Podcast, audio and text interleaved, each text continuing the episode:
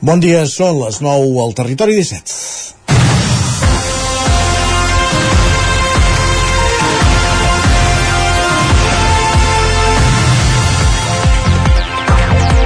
Aquí, a Can Territori 17, de vegades no ho sembla, però al llarg de dues hores cada dia matí passen moltes coses. Algunes passen més desapercebudes que d'altres i per això és bo de tant tant posar-hi l'accent. Ahir a l'informatiu explicàvem que l'Ajuntament de Manlleu ha lliurat les claus de quatre pisos socials per a joves que podran gaudir durant 7 anys a un preu de poc més de 200 euros mensuals. D'entrada, sembla una notícia, és una notícia noble i positiva. Aporta habitatge a un col·lectiu, el jove, que el necessita. Són només quatre pisos, sí, però per algun lloc es comença. D'acord. Ara bé, crida l'atenció un petit detall. Pisos de 30 metres quadrats, bany a part. I la noia més ben puntuada s'ha pogut quedar l'únic pis que té terrassa. I algú dirà, per 200 euros al mes, què més vols? I ens conformem i tots contents. 30 metres quadrats. Sí, a l'hora de fer neteja passes, feina, passes via, però algú s'imagina 7 anys vivint en 30 metres quadrats? I sí, em diran que hi ha qui ho ha de fer perquè no té més opció. Però una administració s'ha de prestar aquest joc? Home, doncs de l'administració espero que apliqui polítiques en pro de l'empoderament de les persones i més de les que provenen de col·lectius de risc. Els pisos que l'Ajuntament va comprar a una immobiliària d'Alacant, que un cop construïts no els, va poder, no els hi va poder donar sortida, de quins sistemes energètics estan dotats? Dels més barats? Ergo, quan arribi la factura de la calefacció a l'hivern, duplicarà el preu del lloguer? Ara que l'alcalde Arnau Rovira, de Junts, després de renunciar a un ajut de 2 milions llargs d'euros per fer 69 pisos socials en dues promocions a la ciutat per evitar molestar els veïns al cap de 100 dies de formar govern, anuncia un pla d'habitatge en pisos socials per a diferents col·lectius i tindrà en compte que siguin eficients energèticament parlant i tinguin una dimensió digna, diguem-ne? Són preguntes també que estarà bé que respongui la seva sòcia de govern, Marta Moreta, que en qualitat de diputada socialista aquests dies sentirà com el seu grup parlamentari s'omple la boca d'habitatge social a la sessió de control del, del govern al Parlament.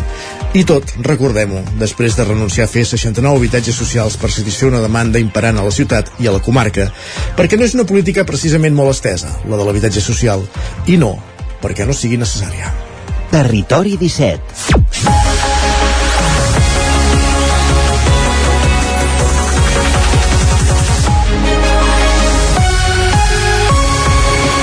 És dimecres 27 de setembre de 2023, en el moment de començar el Territori 17 a la sintonia de Ràdio Cardedeu, on que la veu de Sant Joan, Ràdio Vic, el 9 FM, i també ens podeu veure, ja sabeu, a través de Twitch, YouTube, Televisió de Cardedeu, el 9 TV i la xarxa més. El Territori 17, el magazín de les comarques del Vallès Oriental, l'Osona, el Ripollès, el Moianès i el Lluçanès, que us fa companyia cada matí durant dues hores.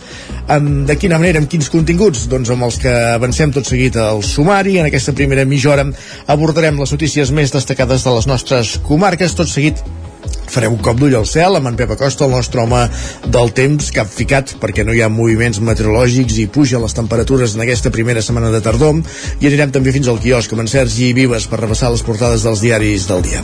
A partir de dos quarts de deu pugem al tren a la trenc d'Alba amb l'Isaac Muntades recollint les cròniques dels oferts usuaris de la línia R3, la línia de tren del tren Barcelona-Granollers-Vic, Ripoll-Puigcerdà i tot seguit a l'entrevista anirem fins a Ràdio Cardedeu per conversar amb l'Albert Gallego de del casal popular La Marxera en companyia de l'Enric Rubio de Ràdio Televisió Cardedeu.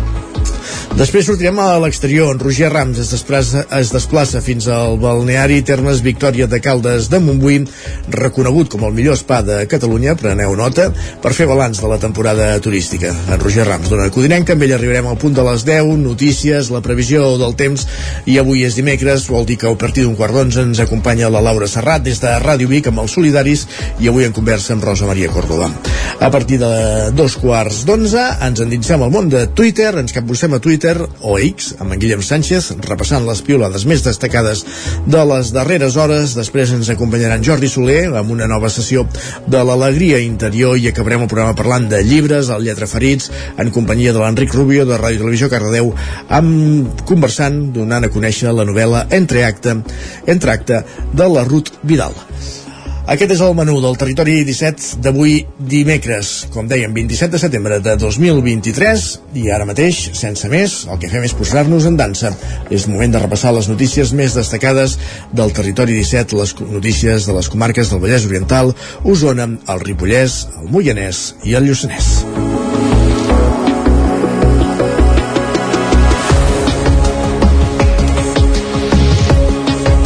Una multa de 150 euros per un delicte lleu de danys, més 10 euros de responsabilitat civil. És la sentència que el jutge ha dictat contra el jove Pol TV, independentista que l'excandidat del PP a Vic, Pau Ferran, va denunciar per arrencar-li un cartell en plena campanya electoral. Sergi Vives, al 9FM. Acompanyat de la seva advocada, la militant d'alerta solidària Eva Pous, Pol TV accedia a les dependències judicials poc abans de dos quarts de deu ahir al matí. Ho feia acusat de dos delictes lleus de coacció i amenaces. Pau Ferran ho feia a la mateixa hora, però per l'altra porta dels jutjats, la que dona la Rambla Hospital. Passades les 11 del matí, entre aplaudiments i amb un somriure, Pol TV sortia dels jutjats. Segons ha explicat la seva advocada abans d'entrar, se'ls hi ha plantejat l'opció de reconèixer les coaccions per poder arribar a un acord, una opció que ha rebutjat. Amb la sentència a la mà, aquestes eren les sensacions pocs minuts després de finalitzar el judici Eva Pous i Pol TV.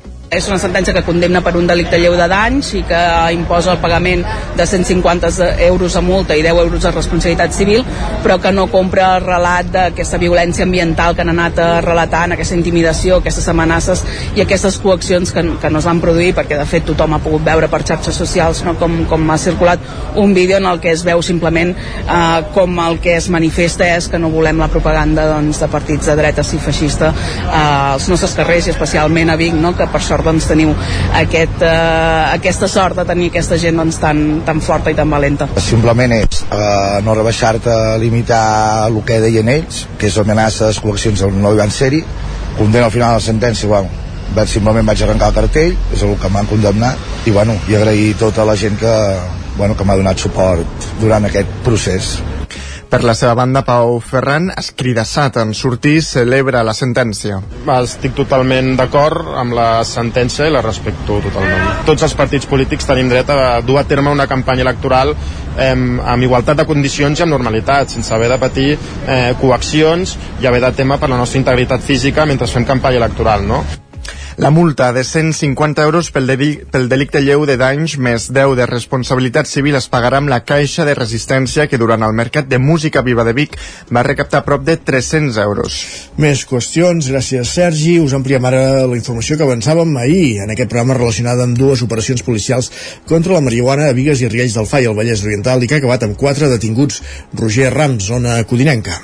Exacte, sí, ampliem aquesta informació que coneixíem ahir a mig matí i és que la policia local de Vigues i Riells del Fai, juntament amb els Mossos d'Esquadra, han detingut un total de quatre persones vinculades al tràfic de marihuana en dues operacions diferents en les darreres jornades.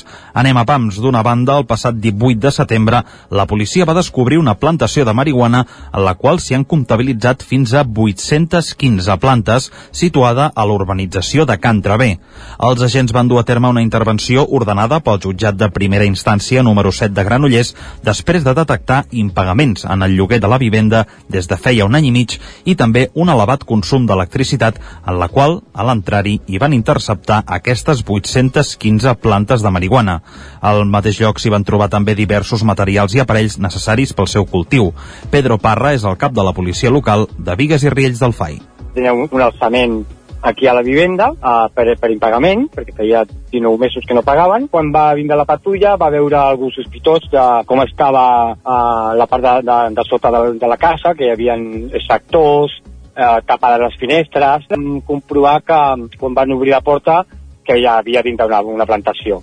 Vale, hi havia una plantació dintre, no hi havia ningú. A la part de darrere hi havia un, un, un cobertizo que també van trobar unes 260 plantes. Es veia clarament que no hi vivia ningú, que hi havia una persona que cuidava la plantació, en aquest cas, els Mossos d'Esquadra s'han encarregat ja de la investigació i aquesta setmana han detingut dues persones acusades de cometre un delicte contra la salut pública i també un delicte de defraudació de fluids elèctrics. Això d'una banda i de l'altra, el passat divendres, la policia local, també de Vigues i Riells, va detenir dos homes més, acusats també de cometre un delicte contra la salut pública després d'interceptar-los gairebé un quilo de marihuana en un cotxe a punt de ser venuda durant un control rutinari a la carretera. L'Escorcoll també es van trobar diners en efectiu.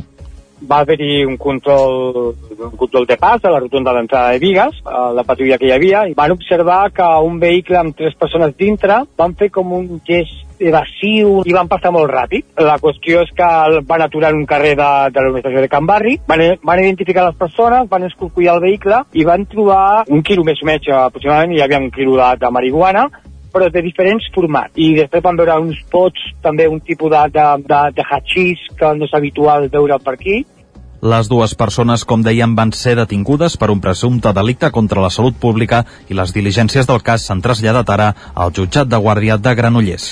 Gràcies. Roger, més qüestions. La situació i sensació d'inseguretat arran de diversos conflictes centra bona part del ple de Torelló. L'Ajuntament té dos focus identificats amb joves menors a la zona esportiva i l'altre relacionat amb un bloc de pisos ocupats al carrer Sant Josep Sergi. A banda d'aquests focus identificats, la inseguretat es va incrementar quan fa uns dies es va detenir una veïna Medina per un delicte greu de lesions, danys, violació de domicili i desobediència als agents de l'autoritat. Poc després va quedar en llibertat. Aquest fet i altres situacions d'incivisme i vandalisme van centrar bona part del ple d'aquest dilluns a instàncies també de Junts i al PSC. L'alcalde Marcel Ortuño reclama un canvi legislatiu per evitar que les persones conflictives que es detenen no surtin al carrer al cap d'unes hores i puguin reincidir. Més enllà de, del, del municipi, crec que els grups hem de fer arribar aquesta necessitat de modificació normativa perquè si no la feina de, de la policia que ja és l'última evidentment abans n'hi havia d'haver molta més de, de preventiva de, de, de diferents sectors quan aquesta eh, no, no tenen èxit i entra a actuar la policia que ja és l'últim recurs si més a més encara queda diluïda la, a, aquesta actuació sense trobar cap resultat concret és molt desanimant tant pel, pels, pels responsables com la, per la mateixa població no? que, que veu que no, no, no actuem prou a l'hora de, de contenir la, la inseguretat Segons l'Ajuntament tenen dos focus identificats. Un està vinculat a un bloc de pisos ocupats a, eh, del carrer Sant Josep que generen conflictes i baralles i al qual estava relacionada la detenció de la setmana passada. L'altre focus és un grup de menors que actua sobretot a la zona esportiva amb qui el consistori ja està treballant també a, a, a través dels serveis socials amb l'estructura familiar dels joves fent tasques preventives. Un dels darrers eh, episodis es va viure aquest cap de setmana segons Jordi Rossell de Junts des de l'oposició. Portem uns dies que a la zona esportiva hi ha una sèrie de, de conflictes eh, sense anar més lluny ahir una, un equip de futbol de, de canalla va haver de marxar escortat eh, pels Mossos d'Esquadra després que el mateix grup de sempre o que genera problemes allà els amenacés la, la seva integritat física des del govern diuen que treballen des de diferents àmbits i que també han reforçat els torns de tarda i de nit de la policia local per intentar apaivegar els focus a banda de treballar conjuntament amb els Mossos. Més qüestions encara a la comarca d'Osona. Feta Osona Aliments, Aliments Excel·lents inaugura una parada al mercat de Vic per oferir els set productes ambaixadors de la comarca i de retruc incentivar la compra del producte local. Es tracta d'una prova pilot que durarà set setmanes. I de fet es van estrenar aquest dissabte i la nova parada va generar forta expectació a la plaça Major de Vic. Es tracta d'un espai per promocionar els set productes que conformen la cistella Feta Osona Aliments Excel·lents seleccionats en el concurs organitzat el 2021. Són la llonganissa de Vic, Vic, la botifarra d'ou de la carnisseria Codina, el formatge jove de cabra de formatges Riu d'Avets, la ratafia Bosch, el pa de set llavors de Mascorcó, el pa de pessic de la pastisseria El Bruguer i el caldo silvestre de Sant Bucus. Tot plegat amb l'objectiu de donar a conèixer aquests productes i fer d'ambaixadors de la qualitat gastronòmica i agroalimentària artesana d'Osona.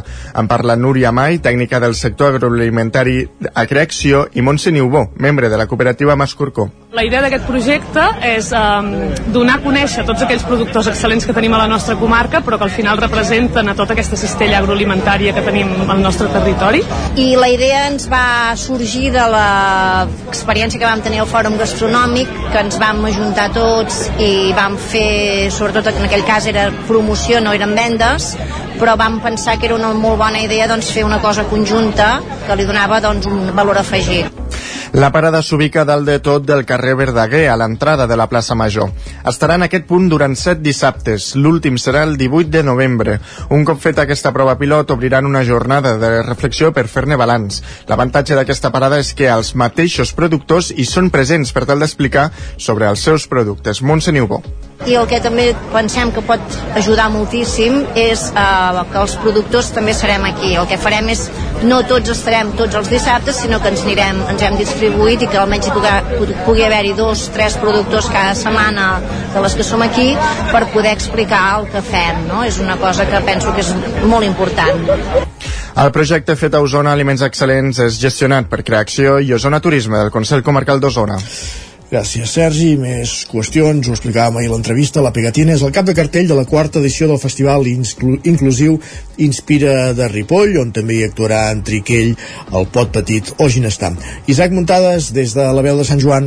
Aquest dissabte, el Festival Inclusiu Inspira de Ripoll, organitzat per la Fundació MAP amb la col·laboració de l'Ajuntament i també del Departament de Cultura, arriba a la quarta edició i ho fa amb un cartell de luxe amb la pegatina com a gran reclam, que celebra el seu 20è aniversari i actuarà a l'escenari Valors a dos quarts d'onze de la nit. El certamen, que es farà a l'espai de la Devesa del Pla amb la previsió d'un dia radiant, té capacitat per 5.000 persones i encara queden entrades a la venda. Els preus són d'un euro per nens d'entre 0 a 3 anys, de 10 per infants d'entre 4 i 15 i de 20 per persones adultes. Tornant a la programació, al matí hi haurà el concert dels germans Ginestar, el DJ Abadia, que és un noi de Tarragona amb paràlisi cerebral, i l'espectacle Respira de la Fundació MAP. A la tarda serà el torn del grup d'animació infantil El Pot Petit, de l'espectacle de la companyia de circ al mur, d'en Triquell, d'Eufòria i de Lian la Troca abans de la traca final amb la pegatina. El certamen, que començarà a un quart de 12 del matí, s'allargarà fins a la una de la matinada i acabarà amb una sessió de DJ Pasqui. Això sí, el més important de l'Inspira és que vol trencar barreres i posar la cultura a l'abast de tothom, començant per una accessibilitat per persones amb mobilitat reduïda i que s'amplia a altres aspectes. Laura Caballero és tècnica de comunicació de la Fundació MAP. Temes de discapacitat auditiva, amb bucles magnètics, les motxilles vibratòries, tot el tema de lavabos adaptats. Aquest any, com a novetat, fem el tema del menjar amb disfàgia, persones que tenen problemes de deglució, el tema de llengua de signes, subtitulacions... El festival disposarà de quatre espais, la zona somnis amb inflables, maquillatge, activitats de circ, jocs gegants i tallers creatius, la zona felicitat amb food trucks, brasa i zona de barres, la zona superació amb jocs de sensibilització i els escenaris valor i talent, on s'hi faran els concerts. Sobre la continuïtat de l'Inspira per l'any vinent, Marta Roder, que també és tècnica de comunicació de la Fundació MAP, creu que és un tema més de voluntat que de diners. Jo penso que és una mica el tema del concepte, no? De dir que realment és un festival pel municipi, que se l'ha de creure Poll, no només els polítics, vull dir la gent del poble, la gent de l'Ajuntament. Jo penso que si arribem a aquesta entesa pot tenir una continuïtat. Si, si no arribem a aquesta entesa de que la gent veia, ah, no, no, és una cosa que heu de fer vosaltres i vosaltres ho assumiu tot, nosaltres, la Fundació MAP, tenim una altra missió. La nostra missió no és la d'organitzar festivals. En tot cas, la previsió és que l'Inspira, que va néixer el 2018 per celebrar els 50 anys de la Fundació MAP, farà viure una jornada festiva a tots els assistents aquest dissabte. Gràcies, Isaac. I anem cap a Ràdio Televisió Cardedeu perquè l'Ajuntament de Llinars del Vallès reconeix els millors esportistes de la zona. Entre ells eh, s'hi troba tres en reto, un trio format per dos llinassencs i una cardedeuenca que han completat el camí de Sant Jaume malgrat els seus problemes de salut. Enric Rubio, Ràdio Televisió Cardedeu. Així és, bon dia Isaac. Uh, una lesió de genoll amb transplantament de cartílag i os, una distròfia neurovascular que fa que tingui una cama totalment inhabilitada i un càncer de mama no han estat problema per la Míriam, en José i la Mili, que aquest estiu completaven els 120 quilòmetres des de Lugo fins a Santiago amb etapes de 20 i 25 quilòmetres al dia. Amb nou mesos de preparació, tots tres han superat el repte de fer el camí de Sant Jaume malgrat les seves malalties i lesions. La Míriam Lomenya és de Cardedeu i té una lesió de genoll amb transplantament de cartílag i os. Estrena, ai, ah, perdó, eh, entrena a l'esportiu de Llinars on va conèixer el José, que va en crosses degut a la distròfia neurovascular, i a l'Emili, que té càncer de mama. Un dia el José els hi va proposar per fer el camí de Sant Jaume. Van començar el camí a Lugo, on els esperaven 5 etapes d'entre 20 i 25 i 30 quilòmetres al dia. Més de 8 hores caminant per completar els 120 quilòmetres que els portarien fins a Santiago de Compostela. A l'inici d'aquesta aventura van crear un perfil d'Instagram amb el nom Tres en Reto, on han anat penjant tant la preparació del camí com cada etapa i la rebuda dels peregrins a la Catedral de Santiago. Un cop tornats del camí de Sant Jaume han fet vacances ben merescudes i ara han començat a reprendre les sortides i és que s'han marcat un altre repte per l'any vinent, completar la Carros de Foc, la popular ruta de muntanya de 55 quilòmetres amb 9.200 metres de desnivell acumulat. Doncs els desitgem sort i encerts en aquests reptes. Gràcies, Enric. Uh, acabem aquí aquest repàs informatiu que començàvem al punt de les 9 en companyia de l'Enric Rubio, en Roger Rams, l'Isaac Muntades i en Sergi Vives. Moment al territori 17 de parlar del temps. I per això tornem fins a Ona Codinenca, allà ens espera el nostre home del temps, en Pep Acosta.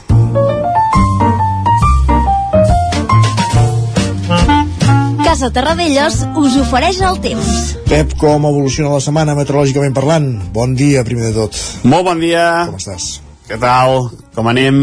I tu bé? 27 de setembre, es va acabant el mes, uh, la tardor ja fa dies que és aquí, uh, van avançant els dies, uh, a partir d'avui ja són...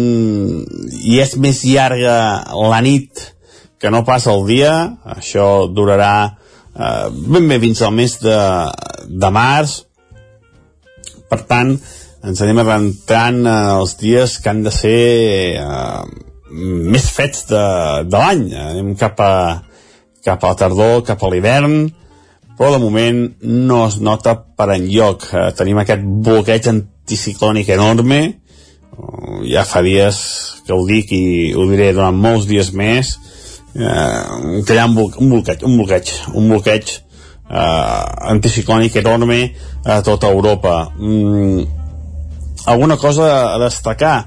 uh, el, el contrast de temperatures uh, el gran, la gran amplitud tèrmica uh, a la nit fa fresqueta no diria que fred a més uh, les temperatures uh, van pujant també de nit avui hi ha unes mínimes per sobre dels 15 graus fins i tot cap a prelitoral però bueno, mm, són fresquetes fa, si està fresc la nit i durant el dia les temperatures pugen de manera moderada a forta, diria jo. Eh? Al migdia fa calor, eh, moltes màximes, eh, prop dels 30 graus, eh, per tant la calor és la gran protagonista eh, a les hores centrals del dia. Destacar això, l'amplitud tèrmica de gairebé més de 15 graus, fins i tot a prop de 20 graus eh, entre el dia i la nit. Aquesta, aquesta gran eh, distància entre el dia i la nit. Continuem avui un dia més, amb sol, gairebé cap núvol, vents molt febles, eh, humitats baixes, en definitiva, el mateix panorama que aquests últims dies i, i durarà eh, totes aquesta setmana segur i de moment l'inici de setmana següent també serà el mateix panorama. I aquí us deixo, eh, ens escoltem demà dijous, eh, però que serà un temps molt, molt setmana al d'avui. Moltes gràcies, adeu. Gràcies a tu, Pep. Parlem d'aquí una estoneta. Fins ara mateix. Casa Tarradellas us ha ofert aquest espai. I del temps, cap al quiosc.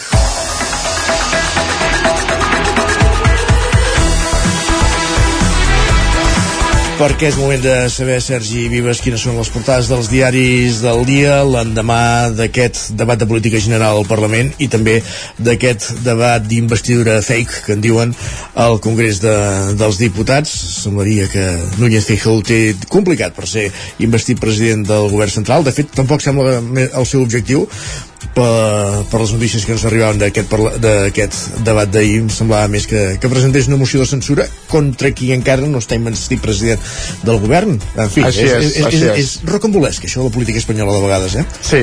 i després diuen de la catalana en fi. endavant, som-hi doncs com dèiem tenim dos protagonistes aragonès per part de les portades eh, catalanes i Feijó pues, per part ja de totes catalanes i espanyoles comencem pel punt avui que encapçala la portada amb dos titulars el primer diuen més avenços expliquen que Aragonès vol un acord pel referèndum abans del 2027 expliquen que el president espera rebre en els pròxims mesos tots els exiliats. I el segon diuen més llenya al foc. Expliquen que Feijó demonitza l'amnistia i promet crear el delicte de deslleialtat. Expliquen que el candidat del PP és superat pel discurs de l'exalcalde socialista de Valladolid, de Valladolid Òscar Puente. El periòdico eh, explica que l'alegat de Feijó contra l'amnistia es queda sense rèplica. Diuen que Sánchez delega en l'incisiu Òscar Puente la resposta al discurs de l'aspirant del PP per remarcar la farsa de la investidura. Expliquen que el líder popular proposa un nou pacte de deslleialtat constitucional. La Vanguardia diu que Sánchez descol·loca un Feijó volcat en el rebuig de l'amnistia. Diuen que el president delega la rèplica en el seu portaveu més agressiu, Òscar Puente. Uh, per, la, per altra banda esquerra alerta que l'amnistia no ha de ser al final sinó la base per a un altre referèndum. I Junts recorda l'exigència de Puigdemont d'un compromís històric. També expliquen doncs, que Aragonès exigeix al PSOE fixar les condicions d'un referèndum. I així és com encapçala de fet la portada Lara amb el mateix eh, titular expliquen que el president dona per feta l'amnistia i alerta Sánchez que seria un error desaprofitar l'ocasió I per altra banda diuen que Sánchez menys té Feijo. Expliquen que el líder socialista va declinar ahir debatre amb el candidat popular. El PSOE no va fer pujar a la tribuna ni tan sols Pachi López, sinó Òscar Puente, que acabava de perdre l'alcaldia de, uh, de Valladolid per un pacte PP-Vox. Així està ressentit, per això el, el to del discurs d'ahir, clar i, i d'aquesta manera doncs, va retreure a Feijó també els orígens franquistes del PP i l'amistat que mantenia amb el narco Marcial Dorado.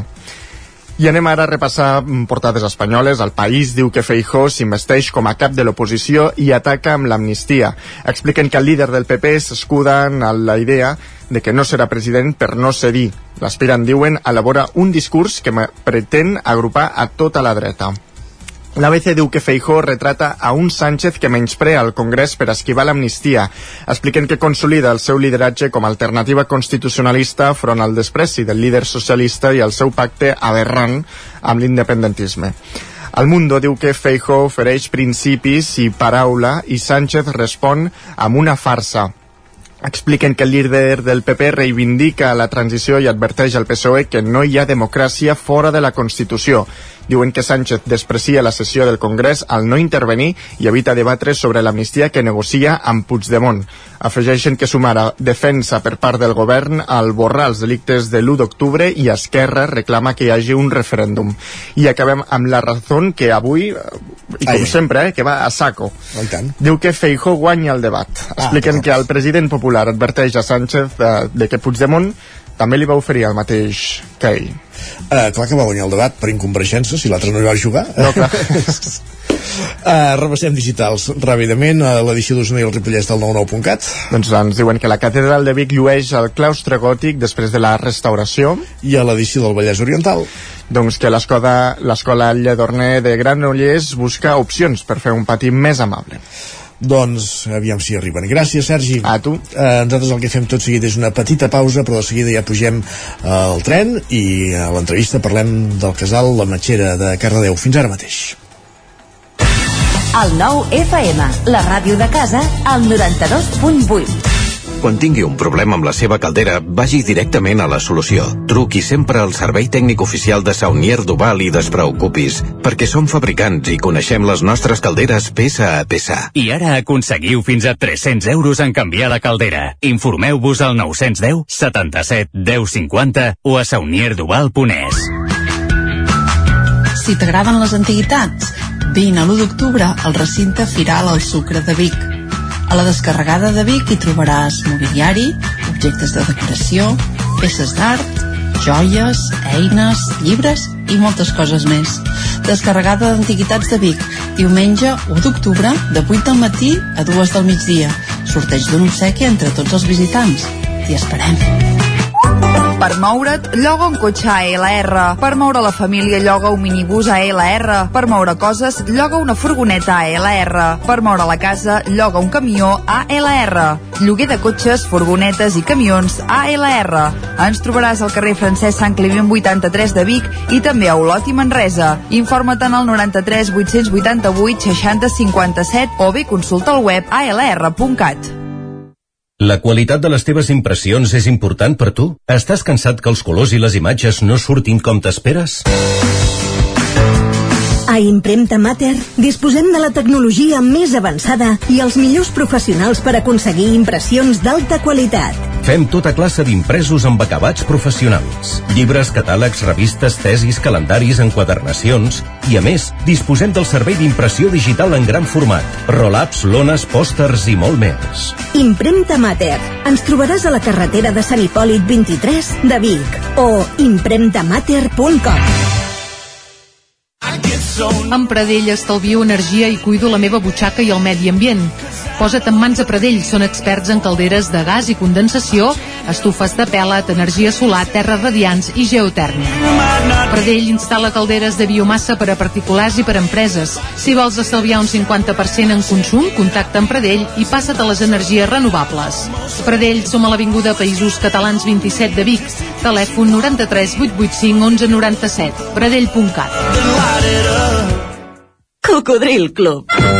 Si t'agrada la bona música dels anys 60, 70 i 80, escolta el 9 FM als matins de dissabtes i diumenges d'11 a 1. És el temps del Cocodril Club, tot un clàssic de la ràdio, amb les bases del pop-rock, les llegendes, les cançons que s'han convertit en autèntics himnes. Recorda, dissabtes i diumenges al matí, d'11 a 1, al 9 FM 92.8. Cocodril Club, el programa revival de l'Albert Malla. Hasta luego, cocodrilo. Territori 17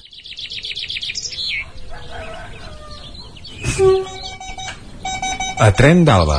Cada dia els usuaris i usuàries de la línia R3 de Rodalies que veuen sortir el sol des d'un vagó ens expliquen les gràcies i les penes del primer comboi que uneix Ripoll i Barcelona o les feixugues jornades amb el tren després de treballar. Benvinguts a Tren d'Alba. Doncs mireu, aquesta setmana el Ministeri de Transports, Mobilitat i Agenda Urbana ha encarregat l'estudi informatiu del nou ramal ferroviari al Nus de Vilaseca. Aquesta actuació eliminarà les limitacions que afecten l'explotació ferroviària en aquest tram. Amb un pressupost de 450.000 euros i un termini d'execució de 26 mesos, s'espera que aquesta obra estigui a punt. A veure si s'espavilen una mica, perquè les obres de totes les línies ferroviàries de Catalunya solen ser lentes. Avisats esteu. Va, ens retrobem demà amb més històries del tren i de la R3. Estem parlant de Vilaseca Tarragonès, eh? no, no pas de, de Vilaseca aquí a, al municipi de Sant Vicenç de Trolló, al costat de Borgunyà, que això seria una afectació a l'R3, i ja en tindrem d'altres afectacions, però aquesta, aquesta encara no. Va, gràcies Isaac, fins ara.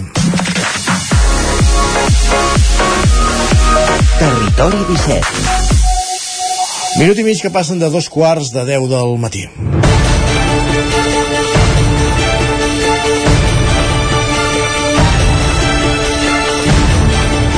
El Casal Popular La Matxera de Cardedeu és un espai eh, que pretén ser un punt de trobada de persones i col·lectius amb inquietuds socials comunes i fer xarxa amb diferents col·lectius i entitats del poble. De tot plegat en parlem tot seguit a l'entrevista. Primer de tot saludem l'Enric Rubio, als estudis de Ràdio i Televisió Cardedeu. Benvingut de nou, Enric. No et sentim, Enric, eh? Tens un problema al micròfon. Disculpa'm, m'estic sí. posant el dia mica mica. doncs així és, Isaac. Uh, fa uns mesos, com comentava, la Matxera estava immersa en una campanya de mecenatge per poder trobar un lloc físic on situar-se. I va ser a finals de juliol quan van comunicar per les xarxes socials que ja el tenien. Aquest es troba en una de les ubicacions més cèntriques i concorregudes de la vila, punt de concerts i cultura i de mercats i parlaments. És per això que avui tenim entre nosaltres Albert Gallego, militant llibertari i part del moviment popular de Cardedeu per donar a conèixer la matxera a les oients que encara la desconeguin i per explicar-nos com estem sent l'aterratge en aquesta ubicació tan cardedeuenca. Bon dia, Albert. Gràcies per atendre'ns. Sabem que no ho tenies gaire fàcil per poder fer avui aquesta entrevista. Què tal, com estem? Bon dia. Eh, en primer lloc, donar-vos les gràcies per, per aquesta entrevista i per donar espai a, a que puguem presentar el casal. I ens sap greu no poder estar presencialment i haver-ho de fer així per telèfon, però bueno, les circumstàncies són, són les que són i ho traurem endavant. No pateixis, tot sigui això, trobarem alguna altra ocasió per parlar d'altres temes aquí amb cara a cara, ja ho veuràs. Uh, la primera pregunta que et vull, que et vull fer és, és rasa i curta, bàsicament. Què és la matxera? Doncs com bé heu dit en aquesta introducció, la Matxera és un casal popular i això significa que és un projecte d'un espai físic, per començar, on poder confluir diverses formes d'entendre el món, diverses persones amb diverses procedències ideològiques, però amb unes inquietuds comunes, i hem vist que durant un temps el poble ha estat doncs, una mica mancat d'un espai físic on, on, on trobem aquesta referència i que ho hem buscat i al final ho hem trobat i és això que estem intentant construir un, un punt de trobada per la gent del poble, per la cultura popular, per les inquietuds polítiques i, i tot plegat. Uh -huh. Anem enrere, posa'ns en situació, explica'ns una mica quines són les arrels i la trajectòria de, de, que, que fan, que van acabar desembocant en la creació d'aquest casal. Bé, eh, Cardedeu, com, com, com sabreu, doncs és un poble amb molta, amb molta vida cultural, amb moltes inquietuds, amb, amb moltes militàncies diferents, polítiques, Eh, llavors, eh, s'ha donat el cas de que ens trobàvem des de fa temps sense un espai físic, és un casa popular, tot i que, que en els últims temps havia estat funcionant un centre social ocupat, però des de la pèrdua del casino doncs, hi havia aquesta mancança. Llavors, persones de diferents trajectòries, tant d'esquerra independentista com del feminisme, del moviment anticapitalista, antifeixista, llibertari, eh, vam, vam veure que hi havia la necessitat de tenir aquest espai físic on poder doncs, debatre, on, on trobar-nos amb els nostres punts comuns, però també les nostres diferències, i, i bé, es, es crea una primera assemblea doncs, oberta per, per, per decidir que si realment hi fa falta al poble aquest, aquest casal popular, eh, hi ha la voluntat de fer-lo i, i és el que hem perseguit les trobades eh, bisetmanals durant un any sencer que van desembocar en això, en un crowdfunding, per veure si érem capaços de tenir aquest múscul eh, aquesta capacitat de convocatòria per poder juntar els calés necessaris. Al final ha sigut així, ho hem aconseguit i, i bé, doncs ja tenim local, doncs aquí celebrem i, i bé, doncs estem, estem en construcció. I en construcció en tota l'amplitud del terme, vull dir, en construcció tant física de l'espai com, com en construcció del projecte. I tant, i tant. I com ara que comentaves això, també és una pregunta que volia fer-te. Com ha estat aquesta campanya de crowdfunding per poder arribar fins a l'objectiu que teníeu per poder aconseguir aquest local, aquest local físic? Perquè aquests, aquestes eh, campanyes sempre donen aquest punt d'incertesa, no? Abans de començar-la, eh, no sempre totes funcionen. Com, com ha estat? Explica'ns des de vista... O sigui, com l'heu viscut des de dins? Doncs al principi amb una mica de nervis, perquè sí que és veritat que hi ha una gran incertesa, que també comptes amb el moviment popular d'arreu del territori, perquè som, som un, al final un casal que estem connectats no? amb, amb la xarxa de casals ja també dels països catalans, que sabem que tenim un entorn, però també som conscients que vivim en un moment on la precarietat laboral està a l'hora del dia, totes les persones que conformem el casal som, som gent de classe treballadora, que vull dir, sempre és un esforç molt gran eh, aportar eh, per, per qualsevol projecte, perquè, perquè és difícil a vegades doncs, poder dur a terme la teva pròpia subsistència, a vegades doncs, finançar projectes és, és, és complicat. Llavors ho vam viure amb una mica de nervis perquè al principi doncs, va costar una mica arrencar, però ràpidament aquest poble català solidari i gran practicant del suport mutu va, va arrencar, va fer una gran embranzida i, i de seguida vam aconseguir el mínim i estem molt contents i contentes i, i agraïdes a tot el moviment popular arreu dels països catalans que va col·laborar uh -huh. i va fer que aconseguíssim aquest objectiu. Qui conforma la, la Matxera, Albert? Hi ha un grup, hi ha un nucli eh, tancat, diguéssim, o és més aviat un punt d'acollida de, de persones amb valors o, o, o amb inquietuds semblants?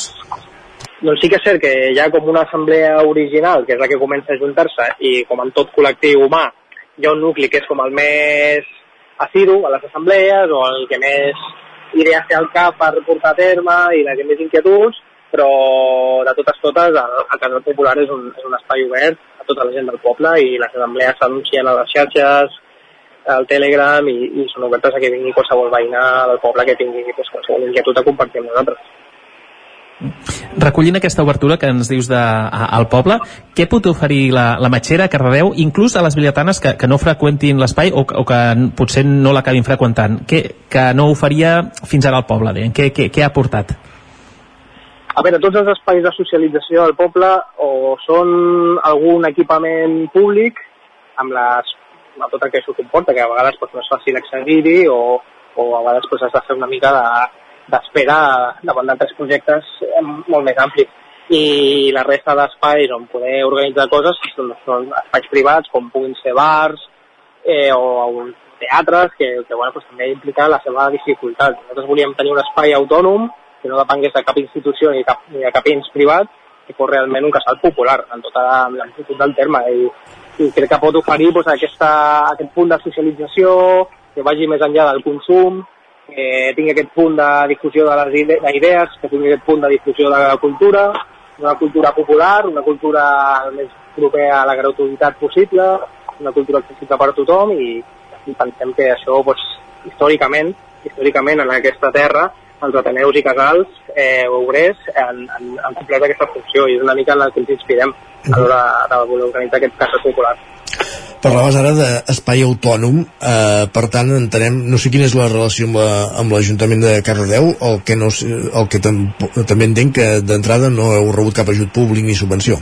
No, no, no, per res, és, és un casal totalment autogestionat, eh, tota, eh, malauradament doncs, l'economia és necessària, és, que corrin diners és necessari perquè hem de pagar un lloguer perquè doncs, les coses van calés, necessàriament, però tot el que rebem eh, surt de, de les aportacions de les sòcies o de, no sé, del moviment popular que aporta solidàriament en, en projectes com el crowdfunding.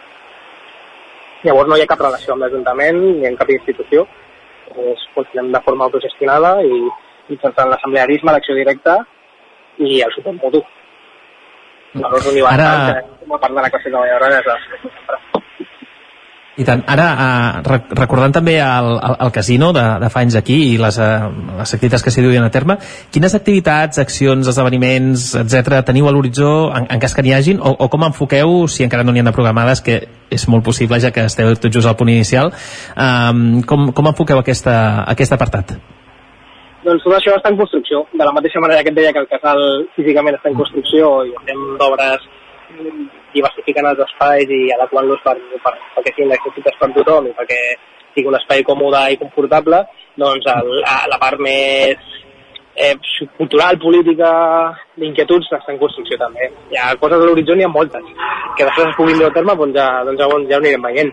Però sí, sí, la, la, la qüestió és que eh, quan, quan parlem de la difusió de la cultura popular, el que volem bàsicament és que sigui un espai de trobada, que sigui un espai de, on es puguin fer xerrades, on es puguin fer concerts, recitals de poesia, mm, llegir trobades gastronòmiques, qualsevol cosa que, que, que incita la gent això, a trobar-se i a compartir.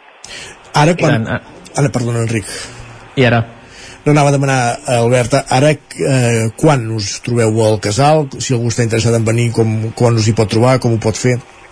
Sí, doncs eh, ens pot trobar a les xarxes socials, eh, estem a Instagram, estem al Telegram i, i ens trobem físicament ara ja a l'espai i cada dues setmanes els diumenges. De fet, aquest diumenge dia 1 d'octubre eh, tenim, tenim reunió, una reunió oberta a tota la gent del poble, eh, on qui vulgui ens pot a tot segurament sobre la de l'espai i ens anem trobant cada dues setmanes i de moment això és, és la periodicitat que hem trobat oportuna i això doncs, està obert a qualsevol que vulgui participar. És, mira, just anava, t'anava a preguntar això i per venir a aquestes trobades eh, la gent ha de contactar via Instagram o via els canals que ens has comentat eh, i avisar-vos o venint a No, no la hora citada? Sempre anunciem l'hora i, el, i el lloc de la reunió, que acostuma a ser a les 6 de la tarda al, al propi local del casal, així que qualsevol que vulgui aparèixer per allà doncs és més que benvingut, benvinguda i també s'ha de fer que treure el cap i, i que ha rebut amablement.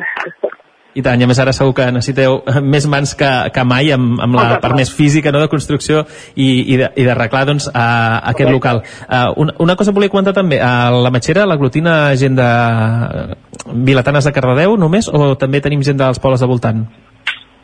A veure, Cardedeu, i sobretot des de fa uns anys, és, és, és terra d'acollida a moltes persones que, sobretot hi ha aquest, aquest èxode barceloní, però en principi totes les persones que conformem ara mateix al casal, siguem nascudes o no a Cardedeu, som, som gent que vivim a Cardedeu, tot i que també, doncs, Cardedeu no és, un, no és un bolet que creix enmig del no-res, vull dir, forma part també de- d'una comarca on hi ha un teixit associatiu, cultural, popular molt gran i, i tenim doncs, molta connexió doncs, amb companyes de, de Granollers, de Vilamajor, de Llinars i, i, i també doncs, rebem suport d'elles, també són benvingudes i també hi ha, hi ha, com un, hi ha un contacte, hi ha, uns, hi ha, un, hi ha un vincle. Llavors, tot i que l'assemblea central del casal som tots gent que vivim a Cardedeu, doncs al final hi pot participar qualsevol que, que, que, que trobi que és una eina útil. Molt bé. Doncs Albert, Albert Gallego del Casal Popular La Matxera de Cardedeu, gràcies per acompanyar-nos avui al Territori 17 i posar-nos al dia eh, de l'actualitat, de, de l'activitat eh, d'aquesta iniciativa, d'aquest casal i que sort i encerts amb tot el que ve a partir d'ara. Ha estat un plaer, moltes gràcies i si em deixeu uns 10, 10 segons més només dir-vos que una de les primeres campanyes que hem encetat, que això sí que, sí que ja és un, forma part del nostre projecte polític, ha sigut declarar persones non grates a totes aquelles eh, membres dels cossos policials que han sigut infiltrades als moviments populars en aquest últim any i que eh, esperem que no apareguin mai pel, pel casal, són persones non grates i, i que la repressió no aturarà el moviment popular. Doncs així ho, així ho desitgem. Gràcies, Albert. Fins De aviat. res. Bon dia. Que vagi, bé, gràcies. Gràcies també, Enric, un matí més per acompanyar-nos. Parlem d'aquí una estoneta. A vosaltres. Nosaltres que avancem al territori 17, el que fem tot seguit és sortir a l'exterior.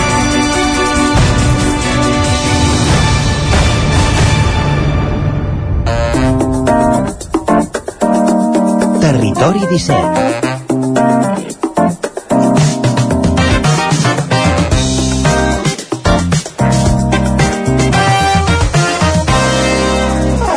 Mig minut i serà tres quarts de deu del matí.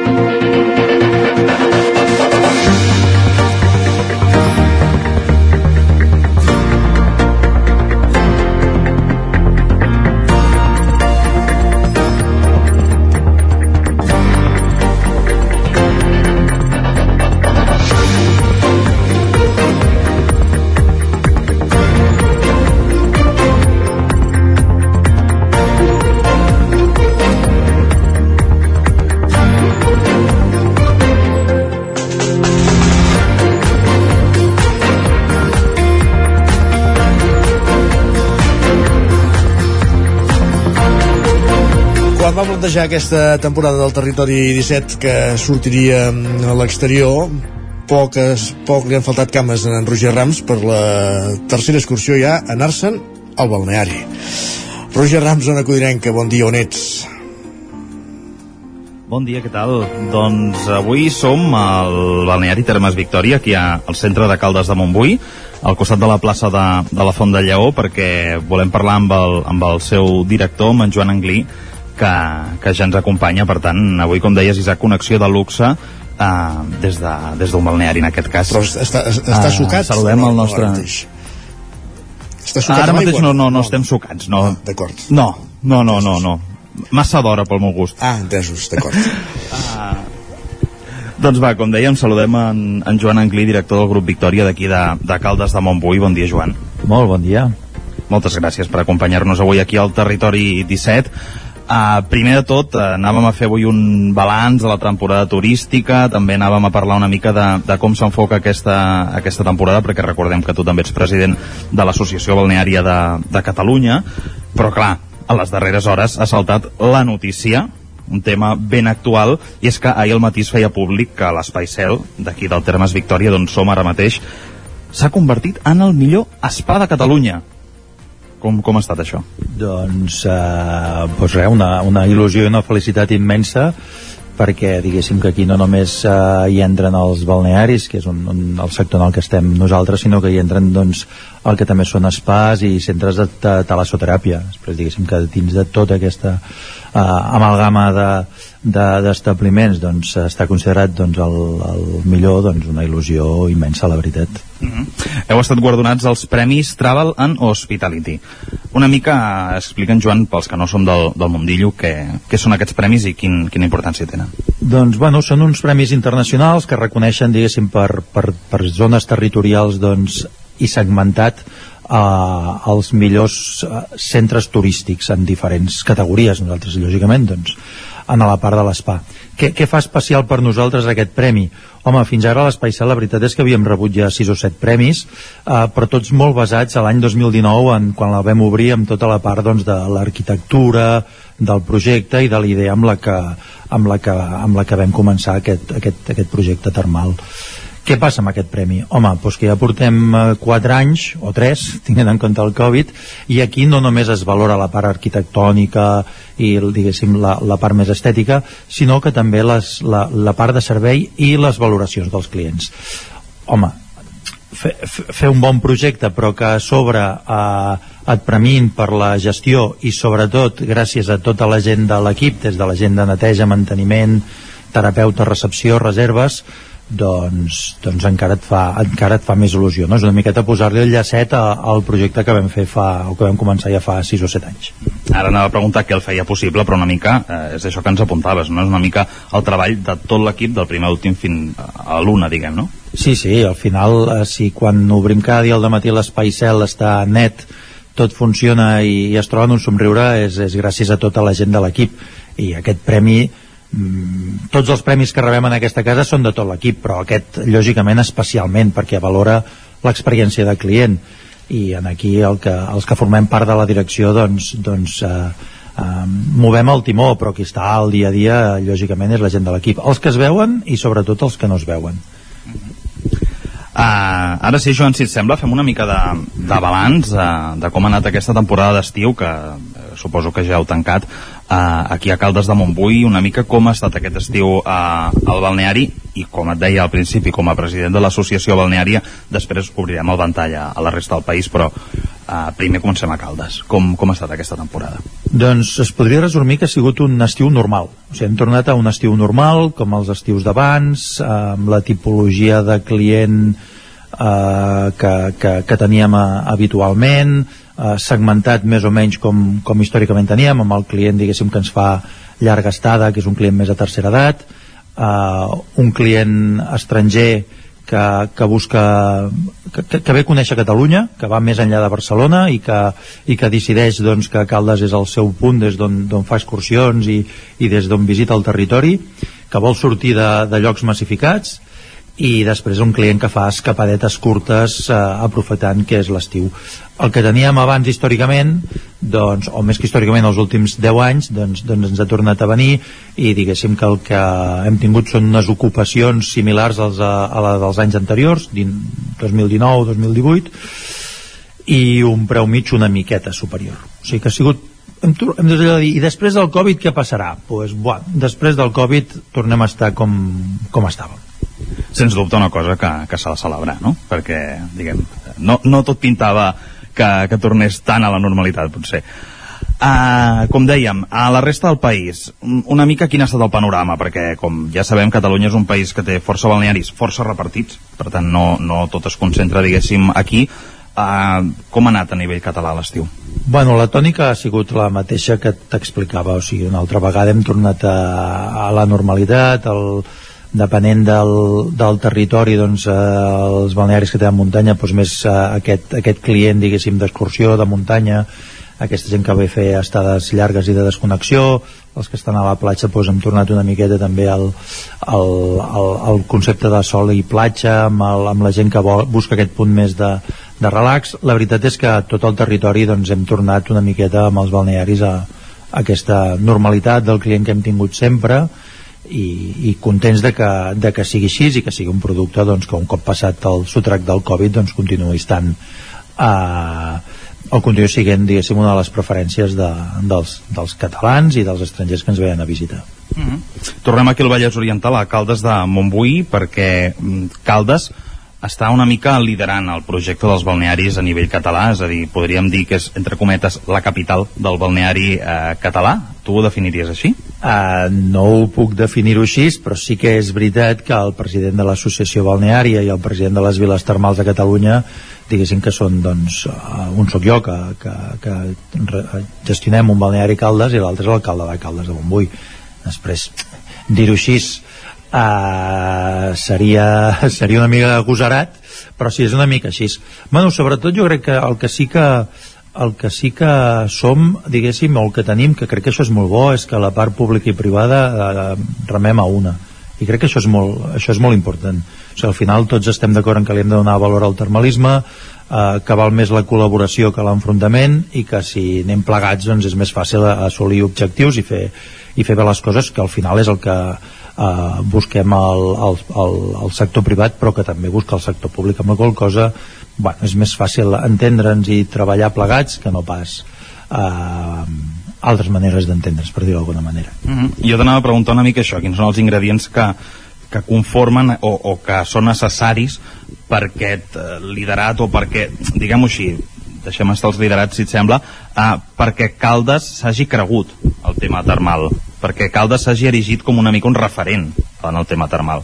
Bueno, a la, a la pregunta has donat la resposta, vull dir, has dit, perquè Caldes s'ha cregut el tema termal i ja està, a partir d'aquí tenim un alcalde, ja amb els alcaldes anteriors que s'ho van, que van creure i que hi han apostat, els privats també eh, en base d'inversions doncs, doncs ja estem apostant i, i com que ens ho creiem, ens creiem el termalisme, ens creiem la importància de les aigües termals, doncs eh, surten casos d'èxit doncs, com l'estudi del Covid persistent, eh, com l'espai cel, com la recuperació doncs, dels safrejos, com la recuperació de tot el patrimoni històric d'aquí de Caldes, i, i no té més secret que aquest, que creure-s'ho, fer, fer un projecte, per dir-ho manera, de, de poble i fer un projecte de, de què vols ser quan sigui gran en el teu balneari i, i començar-hi a treballar.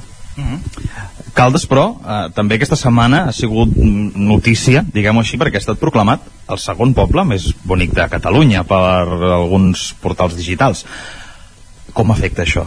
Uh, bé, la veritat és que des de fa uns anys que comencem a aparèixer en aquests portals entre els 10 millors, els 20 o els 25 millors, i lògicament a un país com a Catalunya on, on hi ha molt client estranger o molt, molt, molt turista estranger que busca coses a fer doncs eh, ens trobem amb molta gent que ens apareix aquí a través d'aquestes llistes. A vegades ve a pernoctar o a vegades només ve a, a, passar, a passar el dia. En qualsevol cas és, és una bona notícia en el sentit de que vol dir que tenim un, un poble bonic on, on es fan bé les coses Uh mhm. -huh. I ja, Joan, per anar tancant aquesta connexió et volia preguntar, eh, tot i que segur que del cert no es pot saber mai, però com enfoqueu una mica aquesta temporada que ve ara de, de tardor-hivern, és a dir, si la cosa es manté, si ara va molt de baixa, va l'alça.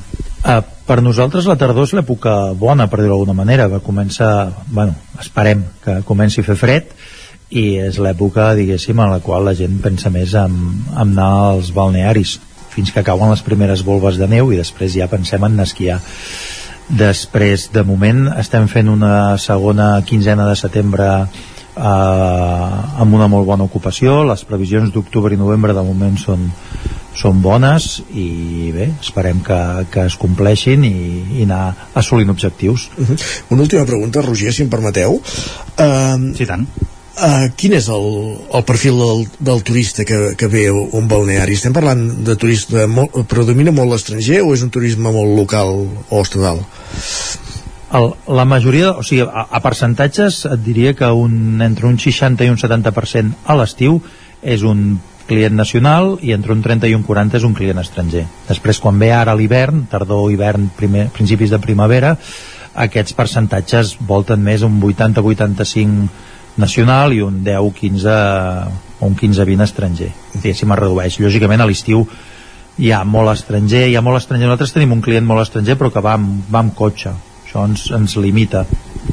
Després és molt francès, holandès, alemany belga, que són els que, els que solen venir més a, al territori amb, amb cotxe. I els percentatges anirien una miqueta per aquí. També és veritat que fa 20 anys quan apareixia un estranger aquí a casa li preguntàvem d'on havia sortit i com ens havia conegut perquè no, no, eren casos molt raros. Diguéssim, teníem el client de la 125 és un, és un anglès. Era com una notícia que, que aquí corria com la pólvora fa 20-25 anys. I ara la normalitat és aquesta que un, de cada a l'estiu de cada 3-4 uh, un és estranger. Molt bé, Roger doncs moltíssimes gràcies Perfecte, Isaac. un matí més per aquesta connexió. Avui per conèixer en detall el balneari Termes Victòria de, de Caldes de, de Montbui. I parlem més tard d'aquí una estoneta. I gràcies també a en Joan Anglí per atendre'ns un, una vegada més aquí al Territori 17 Perfecte, gràcies a vosaltres. Moltes gràcies Bon dia. I nosaltres arribarem, com ja sabeu que ens agrada, al punt de les 10 amb música i ho farem amb la música de Gossos. Re, fa encara no 15 dies el Mercat de Música Viva de Vic anunciaven una reaparició amb 10 concerts per l'any que ve. Ara ja seran 11 perquè anuncien que han fet sold out a l'Estroika de Manresa i han anunciat un segon concert, està previst pel 10 de maig, pel dia 11 també ja hi ha sold out, entrades totes venudes al segon concert, el 13 d'abril a l'Atlàntida de Vic, però encara en queden molts eh, el 12 d'abril, o primer a les trenes de Girona, i el 28 de juliol i el 12 d'agost encara concerts sorpresa Gossos per reinterpretar els seus clàssics com aquesta. Corren fins a les 10 al territori 17. els peus a terra, vull caminar. Necessito despertar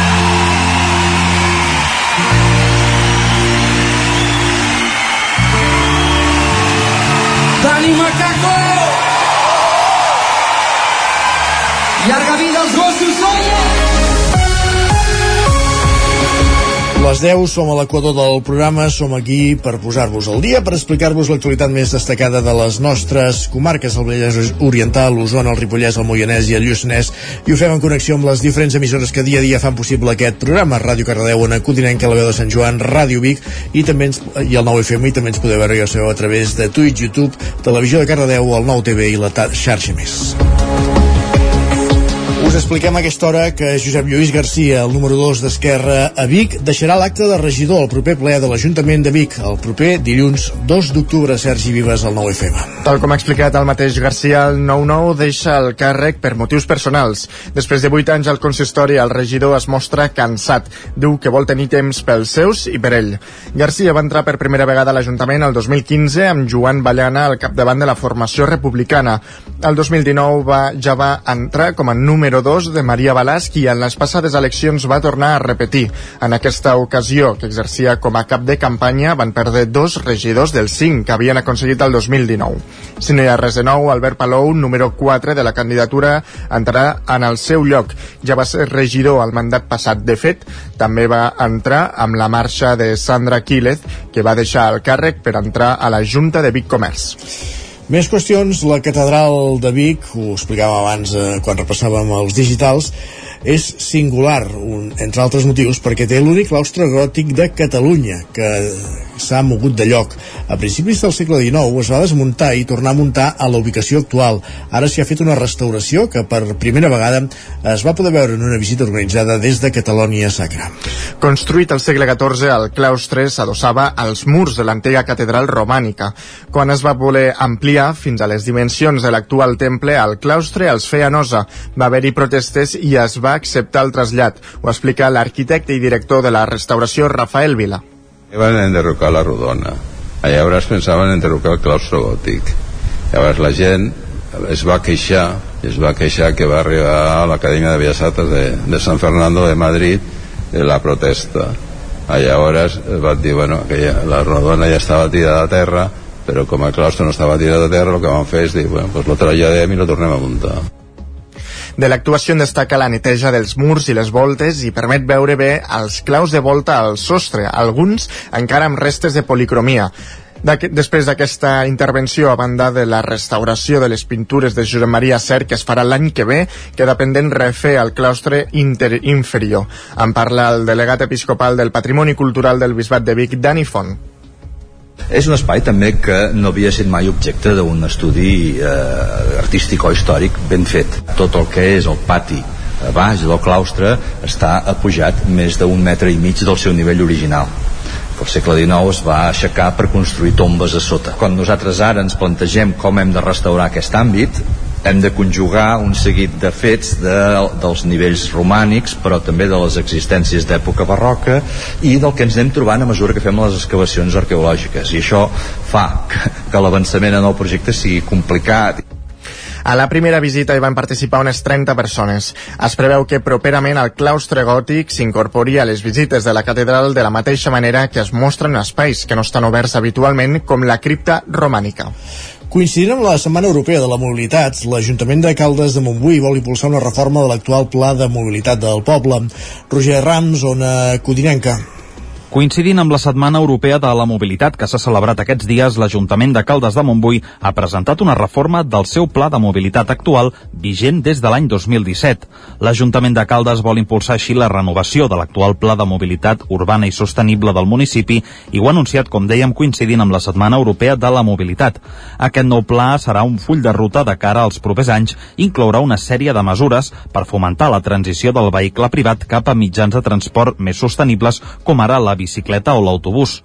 Roser Xalabarder és la regidora de mobilitat de l'Ajuntament de Caldes de Montbui. Fer un nou pla de mobilitat urbana sostenible a Caldes de Montbui, que està vigent des de l'any 2017, actualitzant i revisant els usos dels carrers i carreteres del nostre poble, hi ha uns recorreguts en bicicleta a les urbanitzacions i dins el poble que s'estan acabant d'estudiar, així com els accessos a les escoles. Volem aconseguir unes millores en els horaris a les línies de transport col·lectiu cap a les capitals de comarca, les urbanitzacions, també als polígons industrials i a les universitats L'objectiu del consistori en relació a aquest nou pla és que aquest sigui realista, eficient i, sobretot, que arribi a tots els sectors de la població.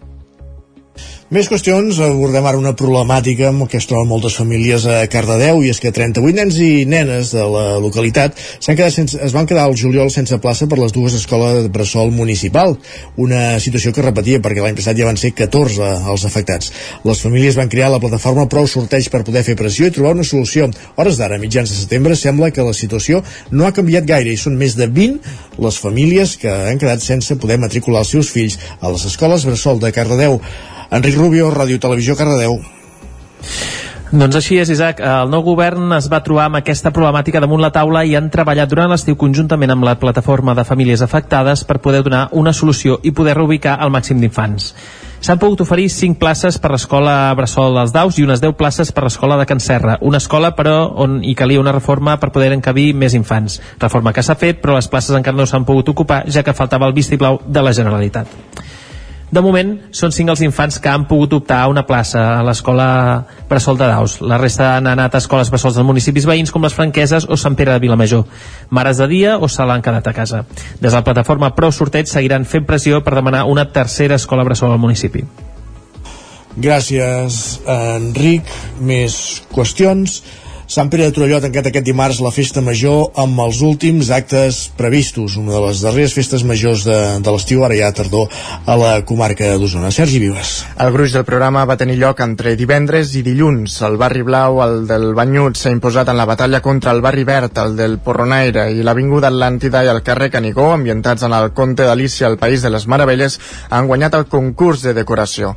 El tobogan d'aigua va, ser, va fer les delícies dels més petits dissabte a la tarda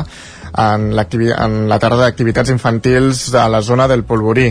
S'hi incorporaven els ordes, la colla carrossaire de Sant Pere, que també van posar música a la concorreguda desperta de diumenge. Més tard, la cercavila de gegants diumenge al matí va comptar amb un nombrós públic. En el canvi d'ubicació del xiringuito del jovent que s'ha traslladat al pavelló i les actuacions de l'orquestra Gerunda o de la renovada orquestra Venus han estat altres propostes destacades del programa. Al costat del pregó, a càrrec de la comissió que va organitzar la festa major entre els anys 1984 i 1987, les genuïnes carretilles i de l'espectacle de l'humorista i imitador Pep Plaza aquest dilluns al vespre. I obrim ara la plana esportiva perquè el Ripollès Discovery Walking farà 12 activitats senderistes durant el cap de setmana amb unes 200 persones. Isaac Muntades des de la veu de Sant Joan. Des d'aquest divendres fins diumenge, el Ripollès acollirà la cinquena edició del Festival de Senderisme de la comarca, batejat com a Ripollès Discovery Walking. Tal com explicava la tècnica de turisme de la comarca, Raquel Molina, aquest certamen s'emmarca dins dels festivals de senderisme dels Pirineus organitzats per l'Institut de Desenvolupament de l'Alt Pirineu i l'Aran, l'IDAPA. En total hi participen 12 comarques dels Pirineus que van des de la Vall d'Aran fins a l'Alt Empordà, en un calendari d'activitats que comença al maig i acaba l'octubre. L'aposta pel Ripollès ha estat fer-ho a la tardor pels següents motius. I en aquesta ocasió, doncs, el Ripollès apostem doncs, per la tardor perquè és una època molt esplèndida a nivell de paisatge, de natura i està en un moment àlgid i també és una manera bona doncs, de desfreqüentar doncs, el turisme més d'estiu i apostar doncs, per visitants que vinguin a conèixer el nostre territori en èpoques una, una mica més baixes, diguem. El festival d'enguany compta amb 12 activitats i un total de 200 places. Per ara ja hi ha 110 inscrits i s'espera omplir-les totes. Cal destacar que hi ha algunes activitats gratuïtes pels infants i que totes són de pagaments amb preus que poden oscil·lar entre els 2 i 70 euros. Les entrades ja estan exaurides per l'activitat titulada pels entorns màgics i llegendaris de Montgrony. Les activitats estan repartides equitativament per la comarca. Hi ha un sopar entre cèrvols per escoltar la seva brama, un pícnic romànic a Partines, un circuit d'orientació i excursió al torrent de la cabana de Can Delano, fotografia de fauna salvatge a Fontlletera, una excursió al Taga des de Partines sota la lluna plena, seguir el camí ramader de Coll d'Ares, entre d'altres. La novetat principal d'enguany és la mobilitat sostenible. I de fet hi ha dues sortides que són l'ascensió Montgrony i una que es fa de fototrekking de fotografia de fauna salvatge a que farem dos busos, això ho finança l'IDAPA, i llavors doncs, tota la gent que fa aquestes sortides anirà en minibús, surten de Ripoll, però anirà fent les diferents parades doncs, en els poblets per on passi, a Sant Joan, a Sant Pau, a Camprodon, a Llanàs, bueno, així, no? s'eviten desplaçaments, s'eviten cotxes. A tots els participants del festival se'ls obsequiarà amb el kit del senderista, que no és res més que una motxilla amb material promocional, una ampolla d'aigua i productes del Ripollès com mel de la Vall de Ribes, melmelada de la Riera de Can endavant aigua de Ribes i galetes de Camprodon. Aquest festival és finançat per la Diputació de Girona, l'IDAPA, el Patronat de Turisme de Girona, que hi aportarà un fotògraf i el Consell Comarcal. Després d'uns anys en què el nombre de participants havia caigut per la Covid, aquest any la 35a edició de la cursa del Castell de Montesquieu s'ha celebrat amb 180 corredors, Sergi. La cursa va constar de dos recorreguts, la cursa de la Solana, de 5 quilòmetres i 200 metres de desnivell positiu, i la del coll de 3 pals, d'11 quilòmetres i 400 metres de desnivell positiu. Pel que fa a la cursa de la Solana, el primer a creuar la línia arribava d'arribada va ser Oriol Pujol amb 23 minuts i 8 segons, seguit d'Isma Casadesús i Javier Vázquez. En categoria femenina, la guanyadora va ser Elisenda Marchuet amb un temps de 32 minuts i 12 segons i van completar el podi Emma Victori i Júlia Pérez. A la cursa del coll de 3 pals, el vencedor va ser Marc Traserra amb 48 minuts 52 segons i en categoria femenina Helena Mercader va arribar en primera posició amb 58 minuts i 54 segons. I un últim punt abans d'acabar aquest repàs informatiu, perquè Feta Osona Aliments Excel·lents inaugura una parada al mercat de Vic per oferir 7 productes ambaixadors de la comarca i de retruc incentivar la compra del producte local. Es tracta d'una prova pilot que durarà 7 setmanes. I de fet es van estrenar aquest dissabte i la nova parada va generar força expectació a la plaça Major de Vic. Es tracta d'un espai per promocionar els 7 productes que conformen la cistella Feta Osona Aliments Excel·lents seleccionats en el concurs organitzat el 2021. Són la llonganissa de Vic, la botifarra d'ou de la carnisseria Codina, el formatge jove de cabra de formatges Riu d'Avets, la ratafia Bosch, el pa de set llavors de Mascorcó, el pa de pessic de la pastisseria El Bruguer i el caldo silvestre Sambucus. Tot plegat amb l'objectiu per donar a conèixer aquests productes i fer d'ambaixadors de la qualitat gastronòmica i agroalimentària artesana d'Osona. En parla Núria Mai, tècnica de les, del sector agroalimentari de creació, i Montse Niubó, membre de la cooperativa Mascorcó. La idea d'aquest projecte és um, donar a conèixer tots aquells productors excel·lents que tenim a la nostra comarca, però que al final representen a tota aquesta cistella agroalimentària que tenim al nostre territori. I la idea ens va sorgir de l'experiència que vam tenir al Fòrum Gastronòmic, que ens vam ajuntar tots i vam fer, sobretot en aquell cas era promoció, no eren vendes, però vam pensar que era una molt bona idea doncs, fer una cosa conjunta que li donava doncs, un valor afegit. La parada s'ubica dalt de tot del carrer Verdaguer, a l'entrada de la plaça Major. Estarà en aquest punt durant set dissabtes. L'últim serà el 18 de novembre. Una, un cop feta aquesta prova pilot, obriran una jornada de reflexió per fer-ne balanç. L'avantatge d'aquesta parada és que els mateixos productors hi són presents per tal d'explicar sobre els seus productes. Montse Niubó i el que també pensem que pot ajudar moltíssim és eh, que els productors també serem aquí. El que farem és, no tots estarem tots els dissabtes, sinó que ens anirem, ens hem distribuït i que almenys hi pugui, pugui haver-hi dos, tres productors cada setmana de les que som aquí per poder explicar el que fem, no? És una cosa que penso que és molt important. El projecte fet a Osona Aliments Excel·lents és gestionat per Creacció i Osona Turisme del Consell Comarcal d'Osona. Gràcies, Sergi. Ara sí que aquí aquest repàs informatiu que començàvem al punt de les 10 en companyia de Sergi Vives, Enric Rubio, Roger Rams i Isaac Muntades. Moment ara de saludar de nou el nostre home del temps, en Pep Acosta, que ja ens espera un cop més a Ona Codinenca.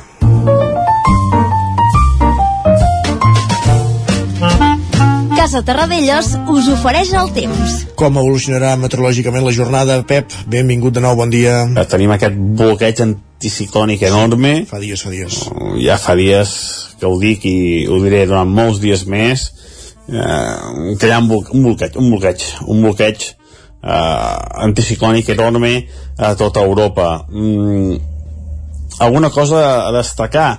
El, el contrast de temperatures uh, el gran, la gran amplitud tèrmica uh, a la nit fa fresqueta no diria que fred a més uh, les temperatures uh, van pujant també de nit. Avui hi ha unes mínimes per sobre els 15 graus fins i tot cap a prelitoral. Però bueno, són fresquetes fa, si està fresc la nit. I durant el dia les temperatures pugen de manera moderada a forta, diria jo. Eh? Al migdia fa calor, eh, moltes màximes, eh, prop dels 30 graus, eh, per tant la calor és la gran protagonista eh, a les hores centrals del dia. Destacar això, l'amplitud tèrmica de gairebé més de 15 graus, fins tot a prop de 20 graus eh, entre el dia i la nit. Aquesta, aquesta gran eh, distància entre el dia i la nit. continuem avui un dia més amb sol, gairebé cap núvol, vents molt febles, eh, humitats baixes, en definitiva, el mateix panorama que aquests últims dies i, i durarà eh, tota aquesta setmana segur i de moment l'inici de setmana següent també serà el mateix panorama. I aquí us deixo, eh, ens escoltem demà dijous, eh, però que serà un temps molt, molt setmana al d'avui. Moltes gràcies, adeu. Fins demà, doncs, Pep. Ara el que fem és anar cap als solidaris. Casa Tarradellas us ha ofert aquest espai. Moment al territori 17 d'anar cap a Ràdio Vic, allà ens espera un dimecres més, la Laura Serrat.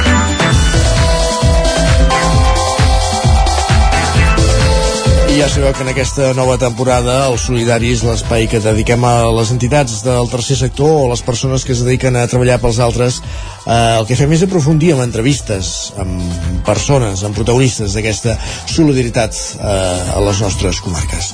Avui la Laura Serrat conversa amb Rosa Maria Còrdova. Laura, benvinguda una setmana més, bon dia. Aquesta setmana retornem a les experiències personals dels voluntaris de la comarca i aquesta vegada conversem amb Rosa Maria Còrdova, de 59 anys i veïna de Masies de Roda. Ella últimament ha col·laborat estretament amb el projecte Massaia, Voluntaris del Voltreganès, una iniciativa centrada en l'acompanyament i l'ajuda a la gent gran. Avui, però, ens parla de tota la seva trajectòria, les seves motivacions personals per fer de voluntària i els moments més emocionants que ha viscut en aquestes ocasions. Ho fem, com sempre, des de Ràdio Vic i a través de l'antena del Territori 17. Abans de començar, fem 5 cèntims de la seva acció social. Amb quines entitats ha col·laborat al llarg dels anys? He col·laborat amb diverses associacions, entre elles eh, Càritas, Amics de la Gent Gran, la Creu Roja i actualment estic en l'associació Projecte Messalla Voluntari del Voltreganès. I en què consisteix exactament aquesta última entitat? A veure, aquesta última entitat el que fem és la lluita contra la soledat no desitjada. Vull dir, fem un acompanyament, fem acompanyament a la gent gran i a gent en necessitats. Quan es va començar a implicar en l'activisme social i el voluntariat?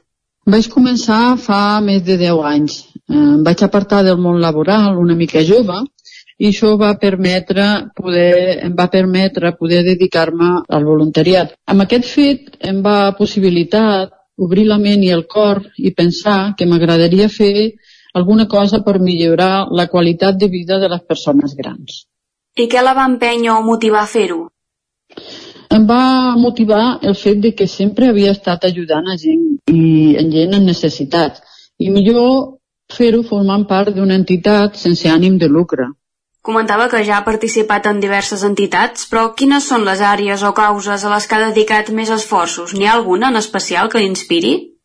Mira, bàsicament estic donant suport a les persones que pateixen la soledat no desitjada, fent acompanyament de molts tipus. Mm, vull dir que faig moltes coses, i, però en especial és l'acompanyament. I d'on ve aquest interès especial per l'acompanyament a la gent gran? Bueno, jo havia cuidat molt el que era la meva família, la, les àvies, la mare, i vaig veure que tenien moltes necessitats i molts problemes quan s'arriba a l'edat de ser gran. Per tant, quines tasques concretes desenvolupa en aquestes col·laboracions? Quin paper hi juga vostè? Les tasques són moltes i molt variades. Faig de tot el que pugui necessitar la gent, des d'acompanyament a domicili, anar al metge, a la residència, fer la compra al súper, faig trucades telefòniques d'acompanyament, resolució de problemes en les administracions, i també un cop a la setmana en l'associació fem una trobada on vaig a buscar personalment a casa seva gent en dificultat de mobilitat i els acompanyem en un local que té l'associació, ens trobem, brenem i passem la tarda junts. I en algun d'aquests serveis recorda alguna anècdota especial que hagi viscut? Bueno, són vàries, però puc explicar alguna que, que em va fer pensar que, mira, en aquestes trobades al principi creiem que la gent voldria fer moltes activitats i, i ten, que ja les tenien preparades, però per elles lo important era trobar-se entre elles i comentar fets passats parlar i parlar molt entre ella i, i això em va, bueno, una anècdota que, que la podia explicar. Si no és això, que, que era molt més important el retrobament entre elles. I més enllà d'això, quins són els moments més emocionants que ha experimentat en la seva tasca fins ara? Mira, un dels moments que em va emocionar molt, mm, que podria explicar diversos, eh, és que va ser poder veure quan diverses persones que havien treballat plegades amb la seva joventut, eh, després es van tornar a trobar al, cabo, bueno, al cap de molts anys amb aquestes trobades que, que organitzem i va ser molt emocionant després de que per diferents circumstàncies, a vegades és perquè la senyora vivia en una part del poble i l'altra a l'altra i no s'havia vist durant 20 anys o més i tornar-se a retrobar va ser molt emocionant viure-ho. I com equilibra la seva vida personal i professional amb aquestes activitats? Sí, miro de tenir temps per tot, eh? Ja que tinc família i tinc dos fills, eh? I dedico el màxim de temps possible. No sabria dir-t'ho que, fa, que, que dedico cada dia ni cada setmana perquè sempre és diferent, eh? Cada setmana i cada dia és diferent. Si posem el voluntariat a la balança, què considera que és el més difícil per algú que fa de voluntari? Mira, de, fer de voluntari no es pot sospesar. S'ha de fer perquè realment ho sents i en tens gana. Si no, no es pot fer, crec jo. I per fer de voluntari has de tenir constància durant temps, perquè s'estableix un vincle entre l'usuari i el voluntari que és molt important, perquè aquest usu usuari t'espera, espera el voluntari, per lo que sigui, per la seva visita, perquè lo portaràs, perquè li faràs, perquè vol veure't. Eh? I, I és molt important la constància durant temps. I fer de voluntari de nens és molt fàcil i a tothom li ve de gust. I fer de voluntari en gent gran costa una mica més. Per què creu que costa una mica més, això? Bueno, perquè són diferents temes de... de bueno, penso que, que les persones grans tenen problemes més complicats de solucionar. I en aquest sentit, creu que el jovent s'hi implica prou amb el voluntariat? Hi haurà un relleu generacional? Bueno, jo penso que sí, que ja ara, ara lo estan involucrant molt aquí a les escoles i tot això. Nosaltres tenim moltes visites de, de nens d'escola que, que és el que estem fent. Procurem que, que aquest jovent continuï endavant quan nosaltres no hi siguem. I per altra banda, doncs, què és allò que més la reconforta, el voluntariat? Mira, la satisfacció personal ajuda a qui ho necessita i també em reconforta pensar que el temps que dedico al voluntariat pues, contribueix per bé a altres persones. Quins consells donaria a algú que vulgui començar a implicar-se en aquest activisme social? Mira, el meu consell és que si algú vol fer de voluntari o bé de col·laborar amb alguna entitat, ho faci perquè realment ho sent i, surt, i li surt de dins. Fer de voluntari és una activitat que deixa petjada, és una experiència que la vius i no passa de llarg. Per mi, el més important és l'actitud en la que la persona voluntària s'agafa la tasca del voluntariat. I crec que ha de ser una actitud oberta i predisposada a tot, i que quan vas amb aquesta actitud a un lloc, només et poden passar coses bones i boniques. Aprofita molt més el que estàs fent. I per tant, creu que el voluntariat pot generar un impacte en les persones i les comunitats? Sí, segur que hi ha gent que en un moment donat ha necessitat ajuda i després aquesta persona ha intentat pues, implicar-se, ajudar a altres. Jo crec que sí. Com creu que les seves experiències com a voluntària han influït en la seva pròpia visió del món i de la societat?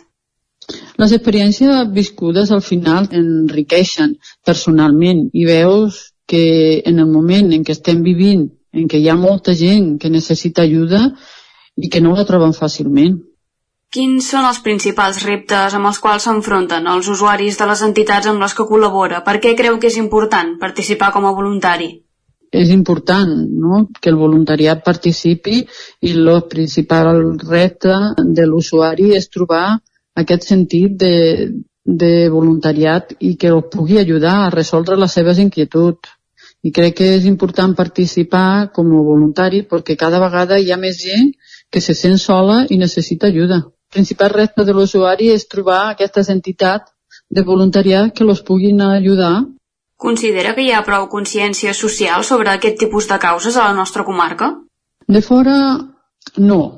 Creu que no hi ha consciència, però un cop és a dintre sí que veus que hi ha gent disposada a col·laborar amb el voluntariat Tenim força entitat social aquí a la comarca que ajuden a prendre consciència de les necessitats socials i això és molt important.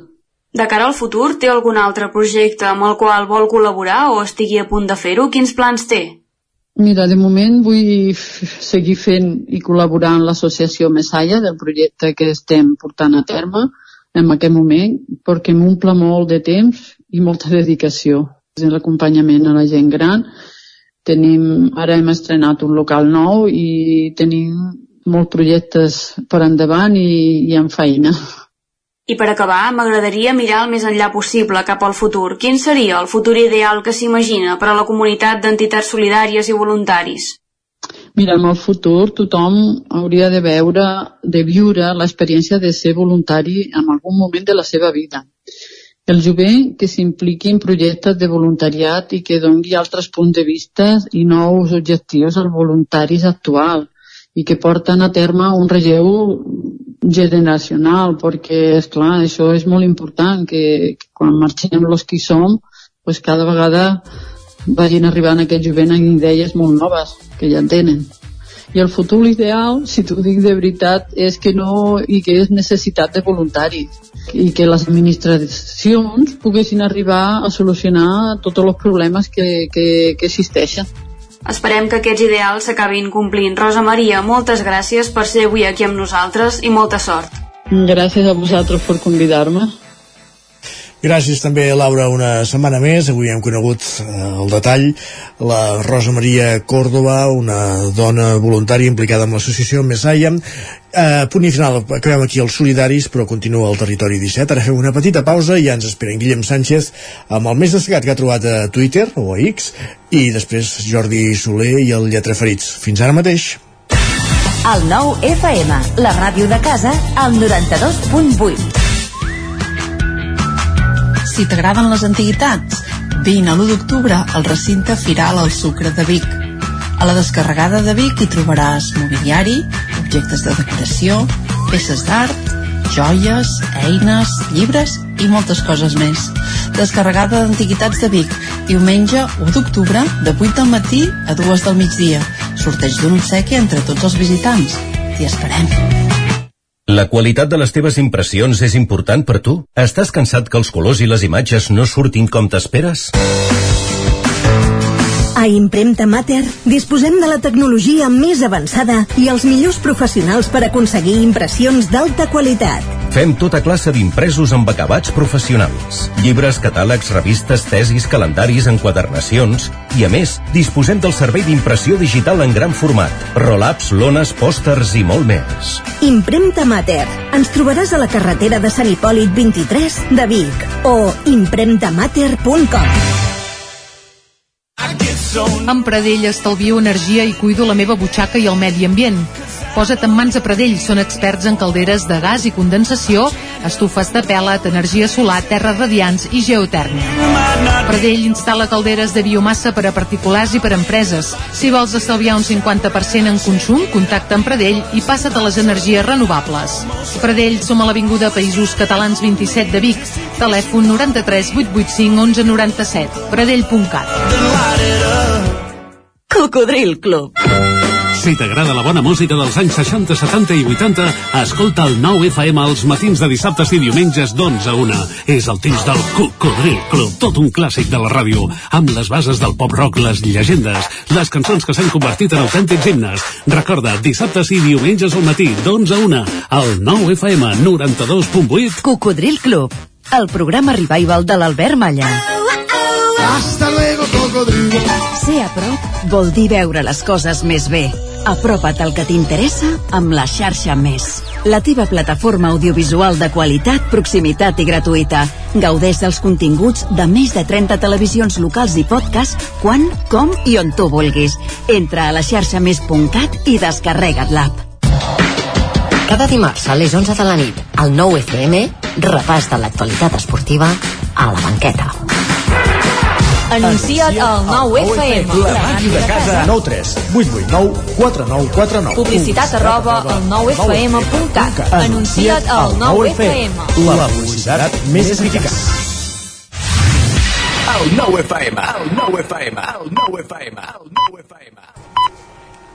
En punt, dos quarts d'onze al territori 17.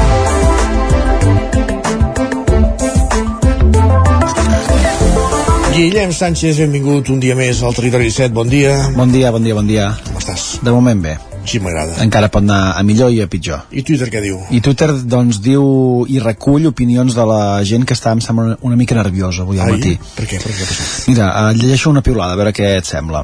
Ens diuen, en quin moment ens hem perdut com a societat? He estat 10 minuts al telèfon amb una estudiant de mestre, endreçant-li títols i autors de llibres que li calien i fent-li la cerca.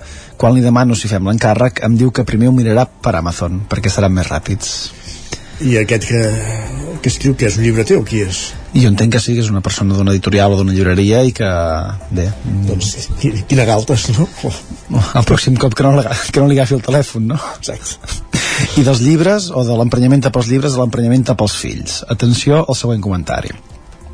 Ens diuen la part negativa de tenir fills no és l'esgotament que provoquen, no és la pasta que et suposa totes les despeses, no és estar alerta sempre per fer una criança més o menys responsable, diu són les punyeteres festes d'aniversaris i els tres grups de WhatsApp que es devenen de cadascuna.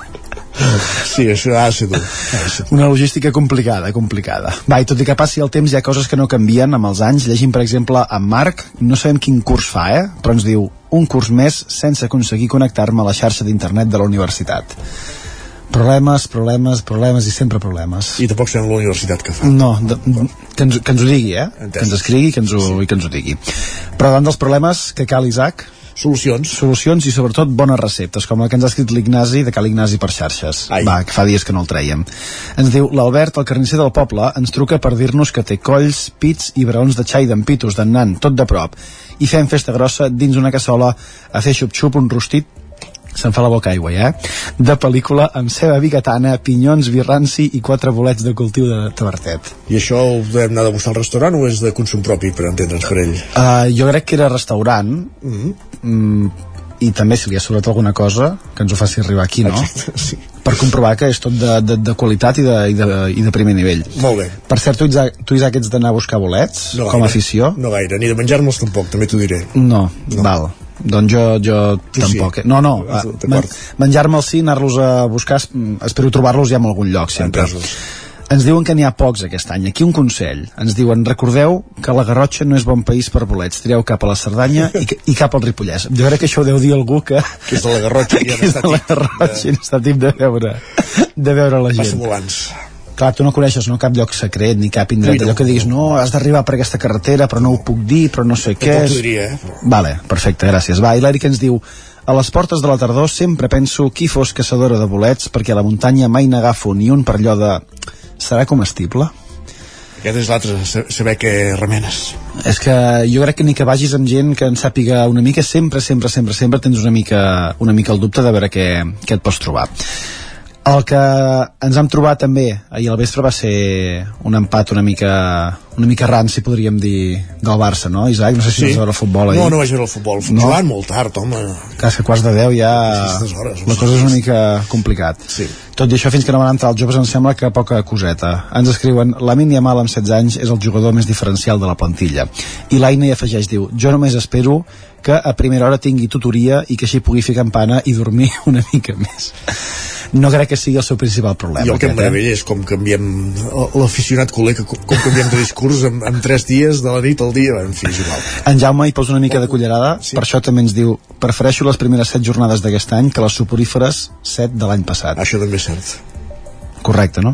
Mm. Va, hi ha uns dies i hores en què la política pren protagonisme. Per acabar, avui llegim el següent comentari. Ens diuen Feijó parlant de dignitat mentre demana trànsfugues al PSOE és de poesia. Sí, no, és que, eh, ara ho has dit, poesia. Poesia pura. De més. Que Gràcies, Sánchez. Fins demà. Fins ara.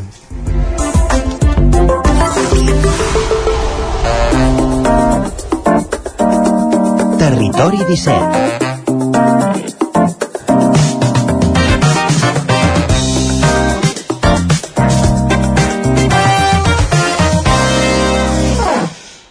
4 minuts i mig que passen de dos quarts d'onze del matí, concentrem-nos tots plegats, entrem a l'alegria interior.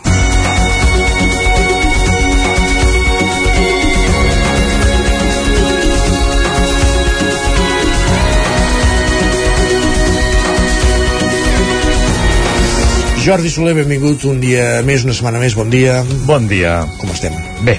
M'alegro. De què... Cap on anem avui? Avui seguirem amb el que vam començar a encetar fa 15 dies. Sí. Aquest concepte japonès eh, que anomenàvem el Seihaku. Seihaku sí. ens vindria a dir alguna semblant a trobar la calma al mig del caos. Dic, aquí hem de tenir en compte que bueno, hi ha gent que porta una vida tranquil·la, una vida ordenada, però eh, la majoria tendim a deixar-nos arrossegar una mica per per, bueno... mm, Sí, pel, un, pel bullici, per l'entorn, pel entorn. un, un to estressant, eh? Exacte, sí. Doncs amb aquí, aquí, en aquesta situació, jo crec que el, el Seihaku té molt de sentit, eh? aprendre a acostumar-nos a trobar doncs, aquests moments de calma al mig d'aquest ritme de vida, d'aquest sistema que tenim eh? instaurat. I això va bé prendre en consciència, va bé observar, i en aquest exercici d'observació vaig llegir una, una entrevista que li feien un reporter de guerra i em va cridar l'atenció eh? un, reporter de, un reporter de guerra que es deia Amador Guallà que eh, ha viscut 12 guerres a l'Afganistan, a l'Iraq, a Gaza, a Sudan, a Somàlia, a Ucraïna, bueno, ha estat tot el món i la seva feina consisteix precisament en bueno, estar a primera línia eh? i Sí. prendre imatges per poder informar, per poder transmetre no? i també ajudar a agafar consciència a la gent de, del que suposa doncs, un escenari de guerra no? Per tant fa una feina lloable però molt arriscada, amb molt d'estrès que el dia, ell explicava eh, que li havia comportat tres divorcis vull dir que estava totalment desarraigat. Vull dir, quan venia aquí i veia els problemes que teníem. La gent d'aquí una mica eh, s'escandalitzava no? Dir, això són problemes, jo no són problemes. Vull dir que el que viuen aquesta gent d'aquests països sí que són problemes. I això feia que li costés adaptar-se eh, la nostra, al nostre sistema, no? Perquè s'adonava de que el que nosaltres ens arrossegava, ens estressava, ens, bueno, ens col·lapsava, no eren problemes, vull dir, eren petiteses al costat del que ell havia viscut, que ho havien confós eh, amb un taliban i li havien cremat la casa, havia hagut de fugir de països, havia, ha viscut experiències eh, realment molt extremes i que tot i així ha sabut trobar el seu Seihaku no? Vull dir que em va, em va, va sorprendre quan dius, clar, si aquesta persona amb aquesta situació ha sabut trobar la calma al mig del caos, una persona que com, com que li costa adaptar-se a la, a la societat que coneixem nosaltres perquè la veu molt diferent d'una realitat que existeix Correcte. i que, I que ja ha viscut. que no acaba d'entendre no? doncs dius, mm, clar, aquesta persona com fa l'exercici d'aïllar-se de tot això evidentment té un, una afectació psicològica tot plegat, no? Doncs ell diu que se'n va a l'Àfrica se'n va a l'Àfrica quan està així en un punt que dius, "Va, ara necessito una petita regeneració aquest petit, eh, aquesta, aquesta pausa se'n va a l'Àfrica eh, amb aquests espais més naturals no? envoltats d'animals de, en contacte totalment amb aquest entorn és quan aconsegueix eh, bueno, doncs, trobar aquesta pausa. Una de les frases que deia amb els elefants, em sento més a prop de la civilització que la ciutat. Que allà s'entén, o sigui, allà diu, ostres, aquí em puc entendre amb l'entorn, a la ciutat no. Eh? eh, veient-se reflectit allò als ulls de, de l'elefant, no? I que tocant un rinoceront sentia que estava tocant Déu. Vull dir que era una cosa espiritual, en el fons, no?, també. I que, per tant, aquesta persona, aquesta experiència, eh, fa que relativitzem tot l'altre.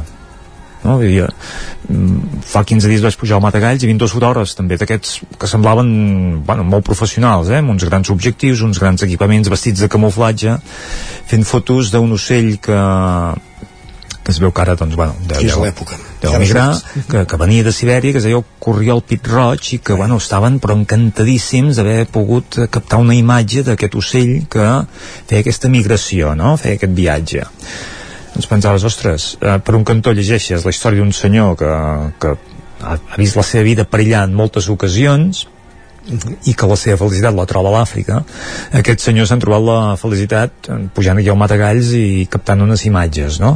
tots dos de la mateixa professió però quina diferència no? quin, quin, quina distància que separa una experiència de l'altra però no obstant ells trobaven el seu Seihaku tirant fotos amb un ocellet a dalt al Matagalls està clar. Vull dir que ells, la seva rutina diària, la seva feina, doncs suposo que també és pesada, però saben trobar aquesta pausa, doncs, bueno, pujant una muntanya, el seu equipament, passant un matí, i que bé, estaven contentíssims, eh? estaven superfeliços, com si haguessin captat unes imatges úniques.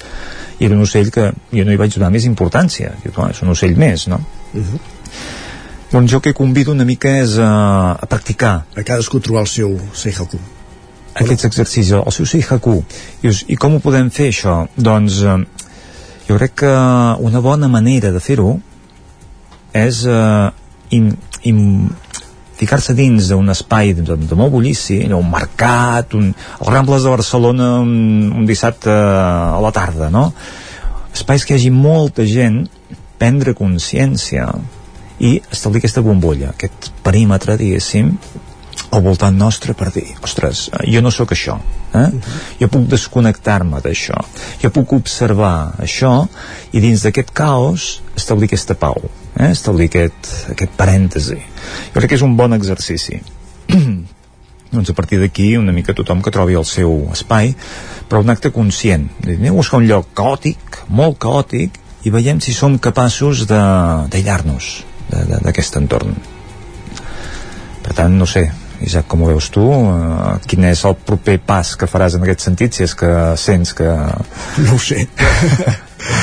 uh, ara m'agafes més aviat en fred, però vaja... Uh, em costa, eh, per això, ja et dic jo que els llocs on hi ha multitud precisament mm, tendeixo de fugir-ne per tant em, em, cost, em costaria ja anar-hi eh, i llavors eh, eh, trobar la manera d'aïllar-me'n que evidentment seria un, un gran exercici sí, sí, no hi ha dubte ja, jo et confesso un secret jo no m'ho bullici diari la part tècnica m'arrossega molt puc dir que baixar aquí aquests 5 minutets, aquests 10 minutets i parlar amb tu, per mi és un seihaku. Veus? És, és una pausa. Per mi, per mi també, són dues hores de pausa, també és cert. o sigui, saber trobar això, eh? saber donar valor una mica a aquests regals que se'ns ofereixen, que dius, ostres, doncs mira, ara aparto una mica tot això que m'arrossega del dia a dia, faig una pausa, faig alguna diferent que m'alliberi, no? que m'oxigeni, que, que em dongui aquest espai.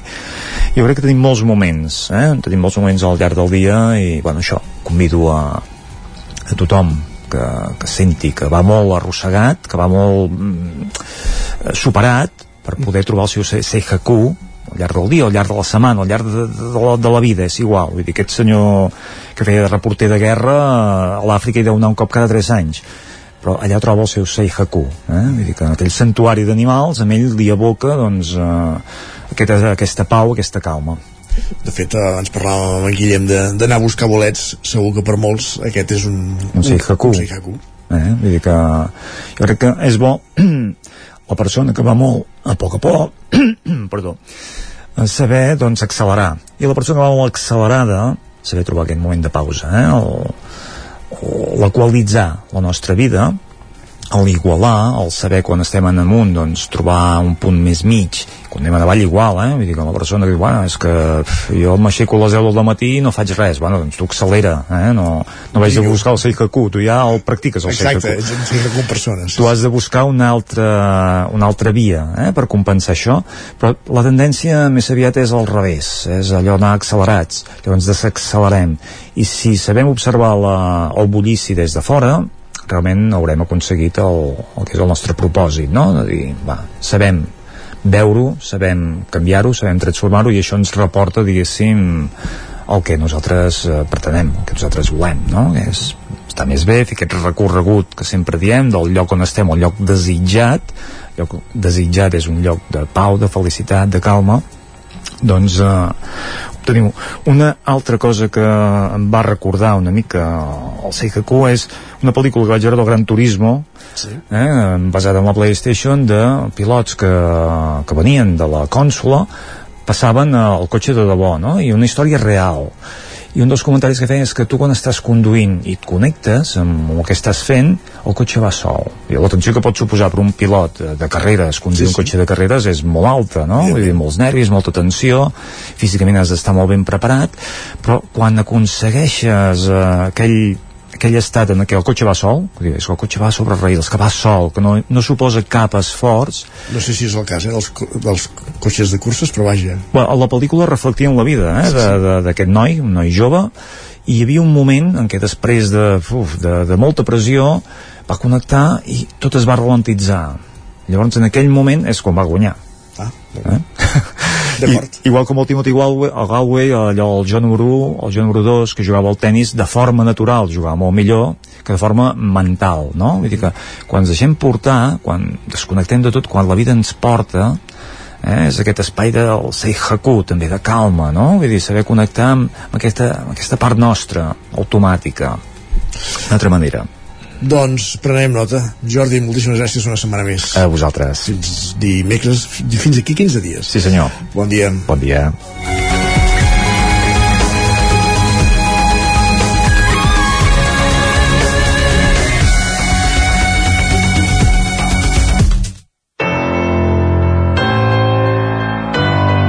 Territori, Territori 17. 17. Territori 17. Un minut que passa de 3 quarts d'onze del matí. Parlem de llibres, anem cap a Ràdio Cardedeu.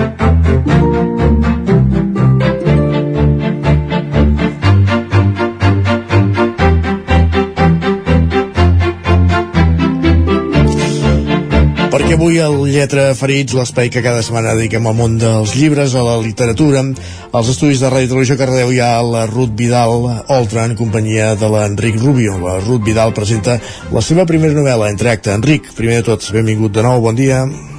Bon dia, gràcies Isaac.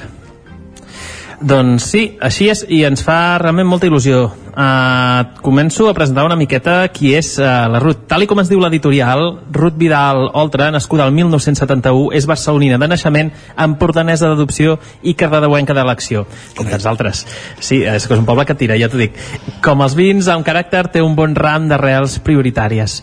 Uh, és llicenciada en Filologia Catalana i la seva trajectòria professional sempre està lligada a les paraules com a lingüista, correctora, traductora i editora. La seva passió per la literatura la va portar a cursar l'itinerari de novel·la de l'Escola d'Escriptura de l'Ateneu Barcelonès. Fruit d'aquells cursos, és amb Entre Acte, la seva primera novel·la, que ha fet salt a l'ofici de l'art de les lletres. Hola Ruth, bon dia, moltes gràcies per haver vingut als estudis de ràdio per parlar sobre el teu nou i primer llibre. Ens fa molta il·lusió tenir-te aquí. Què tal, com estàs? Molt bé, molt contenta de ser aquí, amb molta il·lusió també. igual que nosaltres. Mira, i també, igual que els llibres, eh, volem començar pel principi. Com t'ha sorgit el coquet de l'escriptura per acabar desembocant en entre acte? A veure, escriure és una cosa que sempre ha estat present a la meva vida, el que passa és que potser no he portat a terme cap projecte, o sigui, no, no, no l'he acabat. Sí que havia començat diversos projectes i sempre he anat escrivint coses, però per arribar a la novel·la eh, jo crec que va ser clau el fet d'apuntar-me a l'escola d'escriptura de l'Ateneu perquè llavors o sigui, necessitava, anava fent com una continuïtat i això m'ha ajudat a, a, a arribar a la primera novel·la. Anem una mica als arrels, ara parlaves dels teus inicis o del teu eh, endinsar-te al món de, de l'escriptura Uh, quins són els, els teus autors, uh, llibres de, de capçalera, els que no falten al, al teu prestatge principal?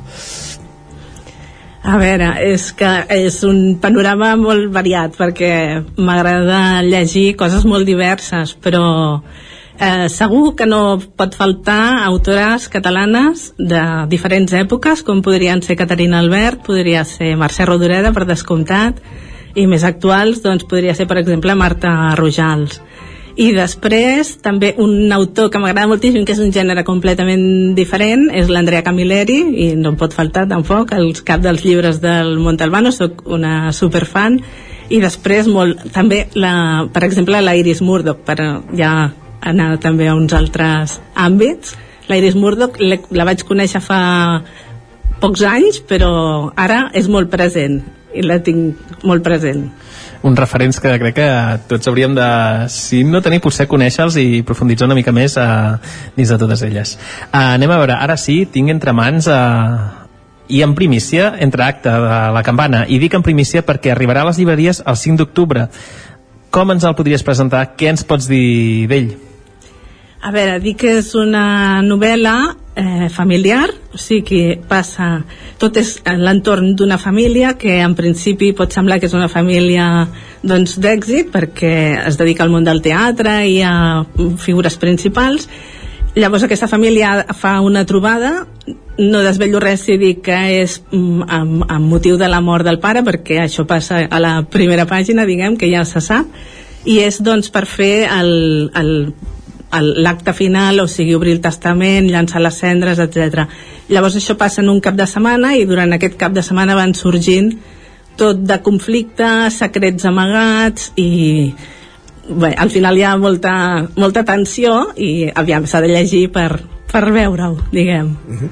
Un dels pocs personatges que hem pogut entreveure es diu Sofia, quin pes té, quin pes té a l'obra? La Sofia és la mare de la família, té un pes molt important perquè de fet eh, una de les relacions principals de la, de, de la novel·la és la de la protagonista que és la Joana amb la seva mare que és la Sofia.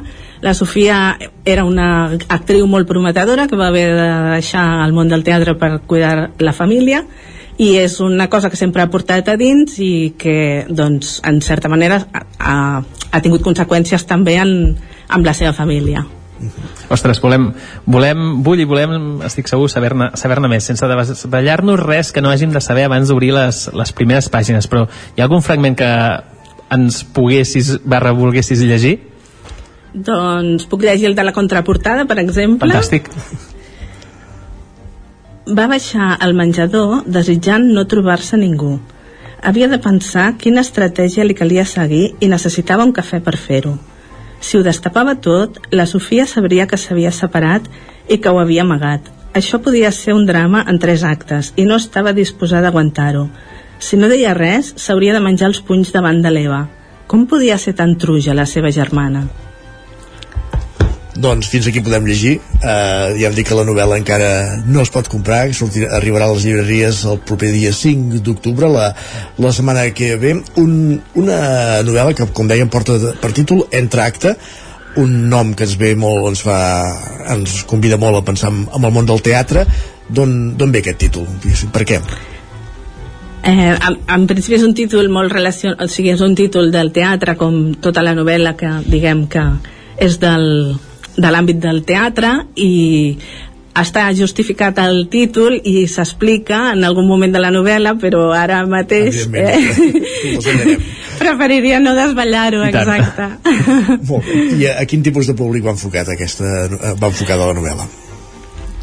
aquesta novel·la és per tots els públics. Justament ahir em parlava amb els meus fills i, i em deien és que li pot agradar a tothom perquè també pot agradar molt a la, o sigui, tant a les persones adultes com a la gent jove el, un dels punts que podríem dir forts pel que m'han dit les persones que l'han llegit eh, és que és molt visual realment eh, veus tot el que estàs llegint, tu imagines. També suposo que el fet d'estar sempre pensant en una obra de teatre en el moment d'escriure-la hi ha ajudat i la qüestió és que jo penso que pot ser per tots els públics és entretinguda espero que divertida però també al darrere doncs hi ha una reflexió i tant. Amb això que, que has comentat, de, de que t'han comentat des de casa, jo volia comentar-te com ha estat aquesta rebuda precisament de la, de la novel·la a casa i com ha estat també mm, tot el procés de creació, que no sempre és senzill poder-ho compaginar també, no?, amb el dia a dia. Um, Explica'ns una miqueta aquesta, aquesta compaginació. Sí, la veritat és que el escriure una de les coses que requereix és temps, això segur. O sigui, requereix moltes altres coses, eh? però temps, no el temps és bàsic, exacte. I llavors, doncs, és complicat. El, el fet de començar-la a escriure mentre estava anant a l'escola d'escriptura, o sigui, és com que em reservava un temps cada setmana per poder escriure, no? perquè també has d'anar presentant parts de, del material que escrius i llavors aquest temps era com sagrat llavors jo m'he acostumat a escriure en, aqu en aquest temps, el que, el que destinava durant els caps de setmana o entre setmana doncs als vespres i a mi a casa meva ho han portat bé. O sigui, no, no, no, no m'han posat gaires pegues també és veritat que no són molt petits tots els meus fills ja, ja són grandets. Però jo ho, he, jo ho he portat més o menys bé sí, sí. ara la propera no sé com, com no sé com serà. Ara, ara ja parlaves de la, de la propera. Sovint sentim parlar molt de la indústria editorial com ha estat en el teu cas l'experiència per, per accedir-hi, no? diguéssim, perquè evidentment que et publiquen una primera novel·la no és senzill, te la publica la, la campana, com, com ha estat tot aquest procés, com has arribat fins aquí? ha estat molt complicat. Jo mm, de vegades dic, ha estat més difícil aquesta part que la part d'escriure la novel·la. La veritat és que jo no tenia contactes, cap contacte en el món editorial i ho he fet tal qual, o sigui, com quan acabes la carrera i comences a enviar currículums, doncs igual, de la, igual amb les editorials. Llavors et trobes que moltes editorials, per exemple, eh, diuen que no accepten manuscrits. Llavors ja no pots fer res perquè si no n'accepten no cal que l'envies perquè no... allà queda. Sí, sí, i d'altres n'accepten però tampoc no a vegades les respostes, a veure, ens hem de posar també de les dues bandes, no? Les editorials, volum de... exacte, deuen rebre una quantitat de, de manuscrits cada dia que no donen a l'abast. Llavors jo l'únic que he fet ha sigut enviar-ho i llavors, bueno, va ser meravellós el dia que em van escriure la meva editora, Núria Puyuelo, de Penguin, i em va dir que havia llegit la novel·la i li havia agradat i la volia publicar va Està ser major. increïble sí, sí, sí. I més, de, i, i més de, des d'un segell com, com ells, no? que Sí. bueno, conec una mica i, i realment té, té material molt bo i títols molt, molt interessants. Sí, sí, increïble també que sigui la campana i tant, una editorial de tota la vida, no? I I, tant. un referent en llengua catalana, sí. I tant. Uh, com emprens aquesta a partir d'ara aquesta aventura li- literària. Els llibres evidentment eh, són per cada dia però no hem d'oblidar que ara en breu arriba Nadal moment en què mm, tant de bo totes i tots eh, tinguéssim al cap per regalar un llibre exacte. I després en quatre gambades encara que sembli que és molt lluny ens prentem a Sant Jordi. Eh, ho esperes amb calma o amb una miqueta de vertigen, expectativa com, com, com, com, ho, com ho veus tot Ui, això? jo, jo no puc pensar a tan llarg termini perquè sí que m'agafaria vertigen. De moment estic concentrada I tant. el dia 5 d'octubre que surt a les llibreries, a les dues presentacions que tinc previstes fer entre l'octubre i el novembre, I tant. i un club de lectura que també farem i, i tal com vagi sorgint veurem. De veritat que no puc. Ara jo pensar en Sant Jordi. Fas bé, fas bé, fas absolutament bé. I centrar-te en el que, en el que t'has de centrar. Explica'ns uh, les presentacions aquestes, on seran i el club de lectura per totes les oients que, que ara estiguin amb nosaltres, doncs, ostres, poder venir o, o poder estar al cas. Sí, eh, una presentació la farem a Cardedeu, però aquesta encara no la tenim lligada, Eh, per tant no puc donar, no puc donar dades, però segur que en farem una a Cardedeu, no, no pot faltar, i l'altra presentació serà a Barcelona, a la llibreria Documenta, el dia 9 de novembre. Fantàstic. I el club de lectura és el club de lectura que jo assisteixo, diguem, com a, com a lectora també, que també els fa molta il·lusió que hagi sortit la novel·la i m'han dit doncs l'han proposat. Sí, exacte, com a lectura pel club ara, no sé, suposo que pel mes de novembre però també ho hem d'acabar de, de lligar. En tracte aquesta primera novel·la de la Ruth Vidal que sorti, arribarà a les llibreries el dia 5 d'octubre ja començarà, ja tenim previstes les primeres presentacions i esperem sentir-ne a parlar. Ruth, gràcies per venir-la a presentar en primícia aquí al Territori 17 i que vagi molt bé tota aquesta nova aventura. moltes gràcies a vosaltres Gràcies, Enric, un matí més també per acompanyar-nos. Gràcies a tu, Isaac. Bon dia. Fins demà. I arribem a la recta final del Territori 17, també del Lletra Ferits, però també del Territori 17. Us hem acompanyat des de les 9 del matí, Isaac Muntades, Roger Rams, Pepa Costa, Laura Serrat, Guillem Sánchez, Jordi Soler, Enric Rubio, Sergi Vives i Isaac Moreno. I tornem demà a partir de les 9. Fins aleshores. Gràcies per ser-hi, molt bon dimecres. Adéu-siau.